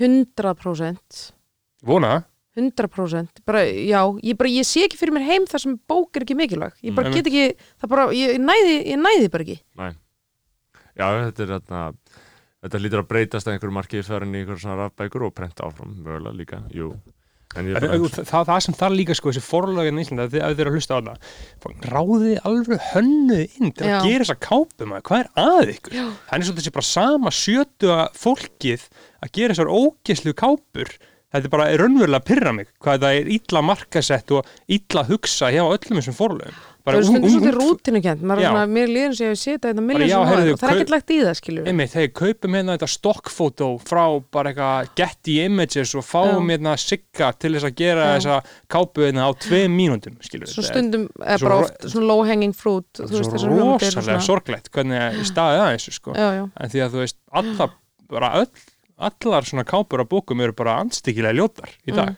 ég bara, eða langt flestar, skilur Mm. nema hann flottan það sem að Haldur Armand síðust skaldsagan hans, já, hún frábær aftur og aftur já, já, sem Siggi. Odds gerði, skilur Já, það var eitthvað lagt í Já, það, skilur einmitt. Og En það- þá var það það- hann sem, þú veist, hérna tala við Einmitt. vinn sinn sem er grafiskur hönnur og Einmitt. þú veist, hann kemur þetta til, skilur og það skiptir einmitt máli að leggja í þetta þetta, þarf, þetta má ekki vera bara textin sem á að kera þetta áfram, þú ert að búa til heim í kringum þetta, það þarf að marka sér þetta bara eins og rapptónlist, skilur, og þá gæti þetta alveg virkað, skilur, En hugs, hugsið samt eitt, þú veist, ok, þú tekur bók eins og hérna dæmis kláða eftir fríðu sem er frábær bók. Eða bókina stóra, hvað, þarna aftur og aftur. Uh, já, nei, bókina hérna já, kokkáll kokkáll, já, Já. þú veist, ímyndið ykkur hérna tvo tíma eða þrjá tíma sem þið verjið í að lesa þessar bækur hvaða tilfinning situr eftir líka með ykkur eftir það versus tilfinning eða hefur verið að skrolla Facebook í jafn langa tíma? Mhm. í alvörni, ykkur, þið, myndu, þið myndu vera að fara að kaupa ykkur reypi eða hefur nýtt hennar sama tími að skrolla niður samfélagsmiðla. Þetta er bara, þetta er ekki veist, og ef að fólk þekkir ekki munin á þessum tilfinningum, þú veist þá get ég ekki bjargað því, skilur en Nei. þú veist, þetta er bara eitthvað svona sem allavega ég finn bara svona virkilega fyrir þú veist, þetta er bara svona, þetta er bara eitthvað svona andlet fóður, skilur Mhm. Já, það er mega sens, það er þetta er val og hitt er bara eitthvað sem lætur líða vel versus síðan bara gera eitthvað sem lætur líða illa skilur fara að segja að vera í símanum. Já, í- já, ég, ég meina, þú veist samfélagsmiðlar eru fínir í hófi og allt það, skilur, en þú veist, þetta er þetta skilur ekkit eftir, Nei, það er málið. Þú veist, það er bara þú- þið bara líður illa, Mhm. mér finnst bara já, ég er með ógeða sjálfur mér því ég er búin að skróla Mhm. og lengi, mér finnst það bara ekki góða tilfinningar sem vakna upp. Nei, Nei, nei, ég herpis allir saman og bara, Ég er pirraður. það er bara svona raunverulega, bara þegar ég, þegar ég vakna mótnar og tek síman eitthvað úr leðslu og bara svona sé skilabóðin sem að býða mín, skilur Já, bara ég færa raunverulegar vanlíðunar tilfinningar já, Mm. já. Það er svona sem bækunar gef man ekki, Nei, svo sannlega ekki. Ekki Nei. heldur dagblöð. Dagblöð er leið til að lesa djöðus andskotan án þess að vera inn í kraðakinu já, já. Með það sem að vera að beita mann ofbeldi með einhverjum Facebook ógæstum Mhm. statusum og úr öllum áttum. Og, og, og ég veit ekki hvað og hvað. Já, um, já, algjörlega. Já, sko þeir segi það maður. einmitt, er, er eitthvað sem við erum ekki búin að uh, fara yfir hérna, við Sko, farið vel hver- það er annar þáttur á ráþærinu í kvöld. Já. mhm, einmitt. Ég veit ekki, þessi hérna þáttur sem við erum reyndar að tala um gæti komið út ekki alveg strax. Já, kemur út þar næsta ekki. Mögulega. Mhm. Já, Já. það er bara fínt að ég er ekkert að, má ekkert vera spoiler en eitt, skilur Nei, nei, ummitt einmitt. Uh, um, Já, Ég ég, meina, eru þá ekki er- bara búin að fara um heldur góðan, góðan, stóran, það. víðan vígvöll Ég held Hérna. það, og Björg Magnúsdóttir fer sátt frá borðið sem karlmaður vikunar algjörlega. Um, hver, hver eru uppáhalds þátturinn? Skoðanbræðin, um, ást þátturinn með högna frábær. Já. saman ég, ég, hef verið, sko, ég lít smá á mig sem skuggarittstur hérna. Ég veit Já, ég er að taka mér alltaf háan status en ég hef stundu verið að senda snorra mm. Mhm, hérna svona, já, góðu þáttur, góðu þáttur. Mér varst högni frábær. Mhm, mér varst hann svo ótrúlega, var svo eitthvað auðmjúkur hann opnaði svo, hérna, eitthvað neginn vel á allt. Mhm, svo fannst mér Bjarni Frímann Mm. um daginn mjög góður. Já, svo fannst mér, sko, ég, hérna, því að Kristín Tómasdóttir er vinkonu mín mhm, mér varst þáttur með henni rosalega góður. Já, mér varst það eitthvað neginn og ég veit að það þekkist vel og svona en það var eitthvað svona, mhm, það er eitthvað mjög góð miðlun í gangi þar og ég er svona, ég er búin að benda rosalega mörgum á, á þann þátt. Já, það er gott, þú verður að halda, halda ásamt, því áfram. ásamt Já. fleiri með, mér finnst þetta yfir höfu ég er diggur hlustanda því mér finnst þetta bara virkilega góð Uh, Svona- Takk fyrir það. Já. Frábært að heyra. ég, ég dýrka líka sjálfkværuna að við tölum alltaf mikið um sko. hvað finnst þér um mig, hvað finnst þér um mig? Þetta er ekki gert á ríkisúttarfinu Nei, nei. Nei, maður reynir svona að halda. Mhm. En það er auðvitað, þú veist, manns karakter leikur og leinn í dagskrona en svona, þú veist já, ég fekk allavega mjög gott ráð þegar ég var að byrja í, í útvarpi, ég hef nú ekkert alltaf fyllt því, en það var Habbi, hérna Rafnildur Halldórs sem sagði við mig bara, já, heyrðu reyndu bara að tala sem minnst um sjálfa þig. Reyndu bara að tala sem mest um hérna málefnin. Mhm. þá ertu góð. Þetta er ágætt, hérna, þetta er ágætt að hafa bak veirað En, já en, í en, þessu, en þú veist, já, þetta já, er hjá nei, já, Já, já, það er annað form af er annað, sko. já, út já, af því að við viljum eða þú veist, við þurfum að tala rosalega mikið um sjálf okkur. Já, út af því að hlustendur einhvern veginn þeir þurfa, þeir þurfa að vera að borga fyrir eitthvað þeir, þú veist, já, já, einhverja karaktera, eða Já. einhver personur Já, en þá er, mér finnst þið vera að gera það á svona háu plani, skilu, þetta er ekki, það er ekki bara pjúra narsisismi sem er ykkar dræf, Já, já. er ég að gera ráð fyrir. Það, þið, þið hafið séð ýmislegt og lesið ýmislegt, þannig að maður er að læra líka eitthvað Já, nýtt, skilur það- kannski segja sögur af sjálfum sér en ekki frá sjálfum sér. Um þið skiljið hvað minna Mér finnst- alltaf þreytandi fyrir að hlusta fólk það segja, það að lýsa sjálfur sér með einhverjum svona lýsingur ég er svona ég er gerir þetta aldrei en síðan kannski svona standast þessar lýsingar mjög oft ekki. Fólk er búið að búa til ímynda sjálfur sér hustum á sér lýsi sér ákveðin átt segir, veist, ég er ekki langrækin. Já, veist, já, svona, já. ég er ekki langrækin. Mhm. Finnst það ekki make sense en það er efni í um, annan, annan og betri þátt. Þannig að ég er bara Algjörlega, þakka fyrir komuna Björg. Takk Já, kærlega fyrir kona Takk Það var fyrir mig, það mikill heiður að, að fá bóð til skoðana bræðra. Mjög gott þarna, sunnudags, sunnudagsverk hérna, Algjörlega, takk upp þennan ágæta þátt. Um, takk kærlega fyrir þetta. ég hætti þér I just wanna thank God for all the pretty women He let into my life, all the Benjamins He let me count, wealth and health for my family, and let me ball on these niggas. Ah. Now it's a lot of bad bitches in the building. Amen. A couple real niggas in the building. Amen. I'm fit to kill niggas in the building. Amen. I tell her way to 50 bottles and she tell me say ah. when and I say church. We make it light up like a church. She wanna fuck and I say church. You live on Sunday like a church. Preach. Uh, bottle at the bottle, drink until I overdose. Pull up in the phantom, watch them bitches catch the Holy Ghost. Every time I step up in the dealer, I be going broke. Johnny wanna fuck me, I say get on top and roller coaster. And I lay back, she go crazy. Fuck me good, but she no stay. Murder on that pussy, let her boyfriend get that DOA. Get it? And all I get is Frito Lay. Plus, I'm on probation when they test me, I just pee rose.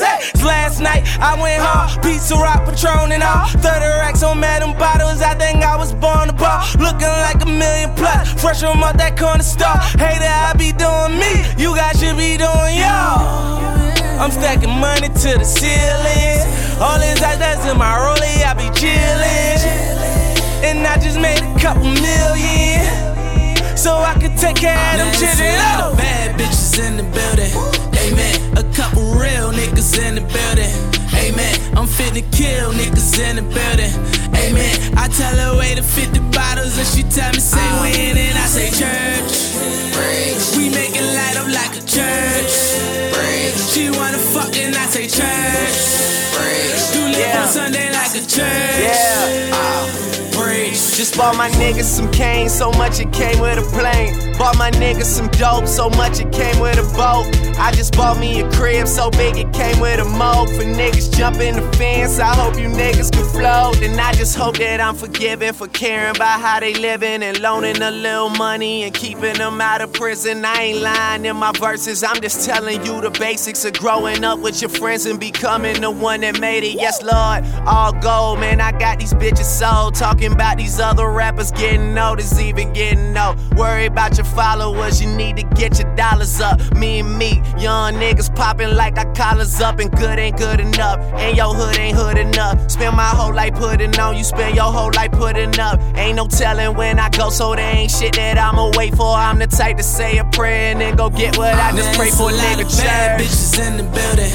Amen. A couple real niggas in the building. Amen. I'm fit to kill niggas in the building. Amen. I tell her way to 50 bottles and she tell me say when and I say church. We make it light up like a church. She wanna fuck and I say church.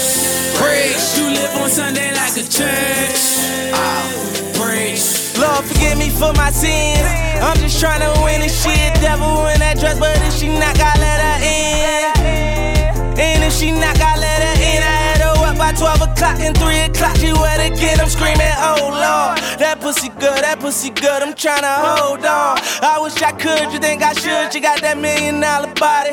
Shorty my Bugatti. And she said she got a man. We keep a secret Illuminati. Got Patron on deck. It's rock all in my bottle. What she on, head. She was on that reposado. She take it low, low. And I take her up to Rado in this bitch, I'm spinning like I hit the lotto. Cause it's a lot of bad bitches in the building.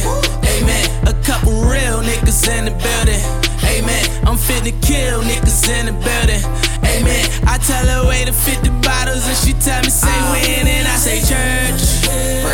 We make it light up like a church. She wanna fuck and I say church.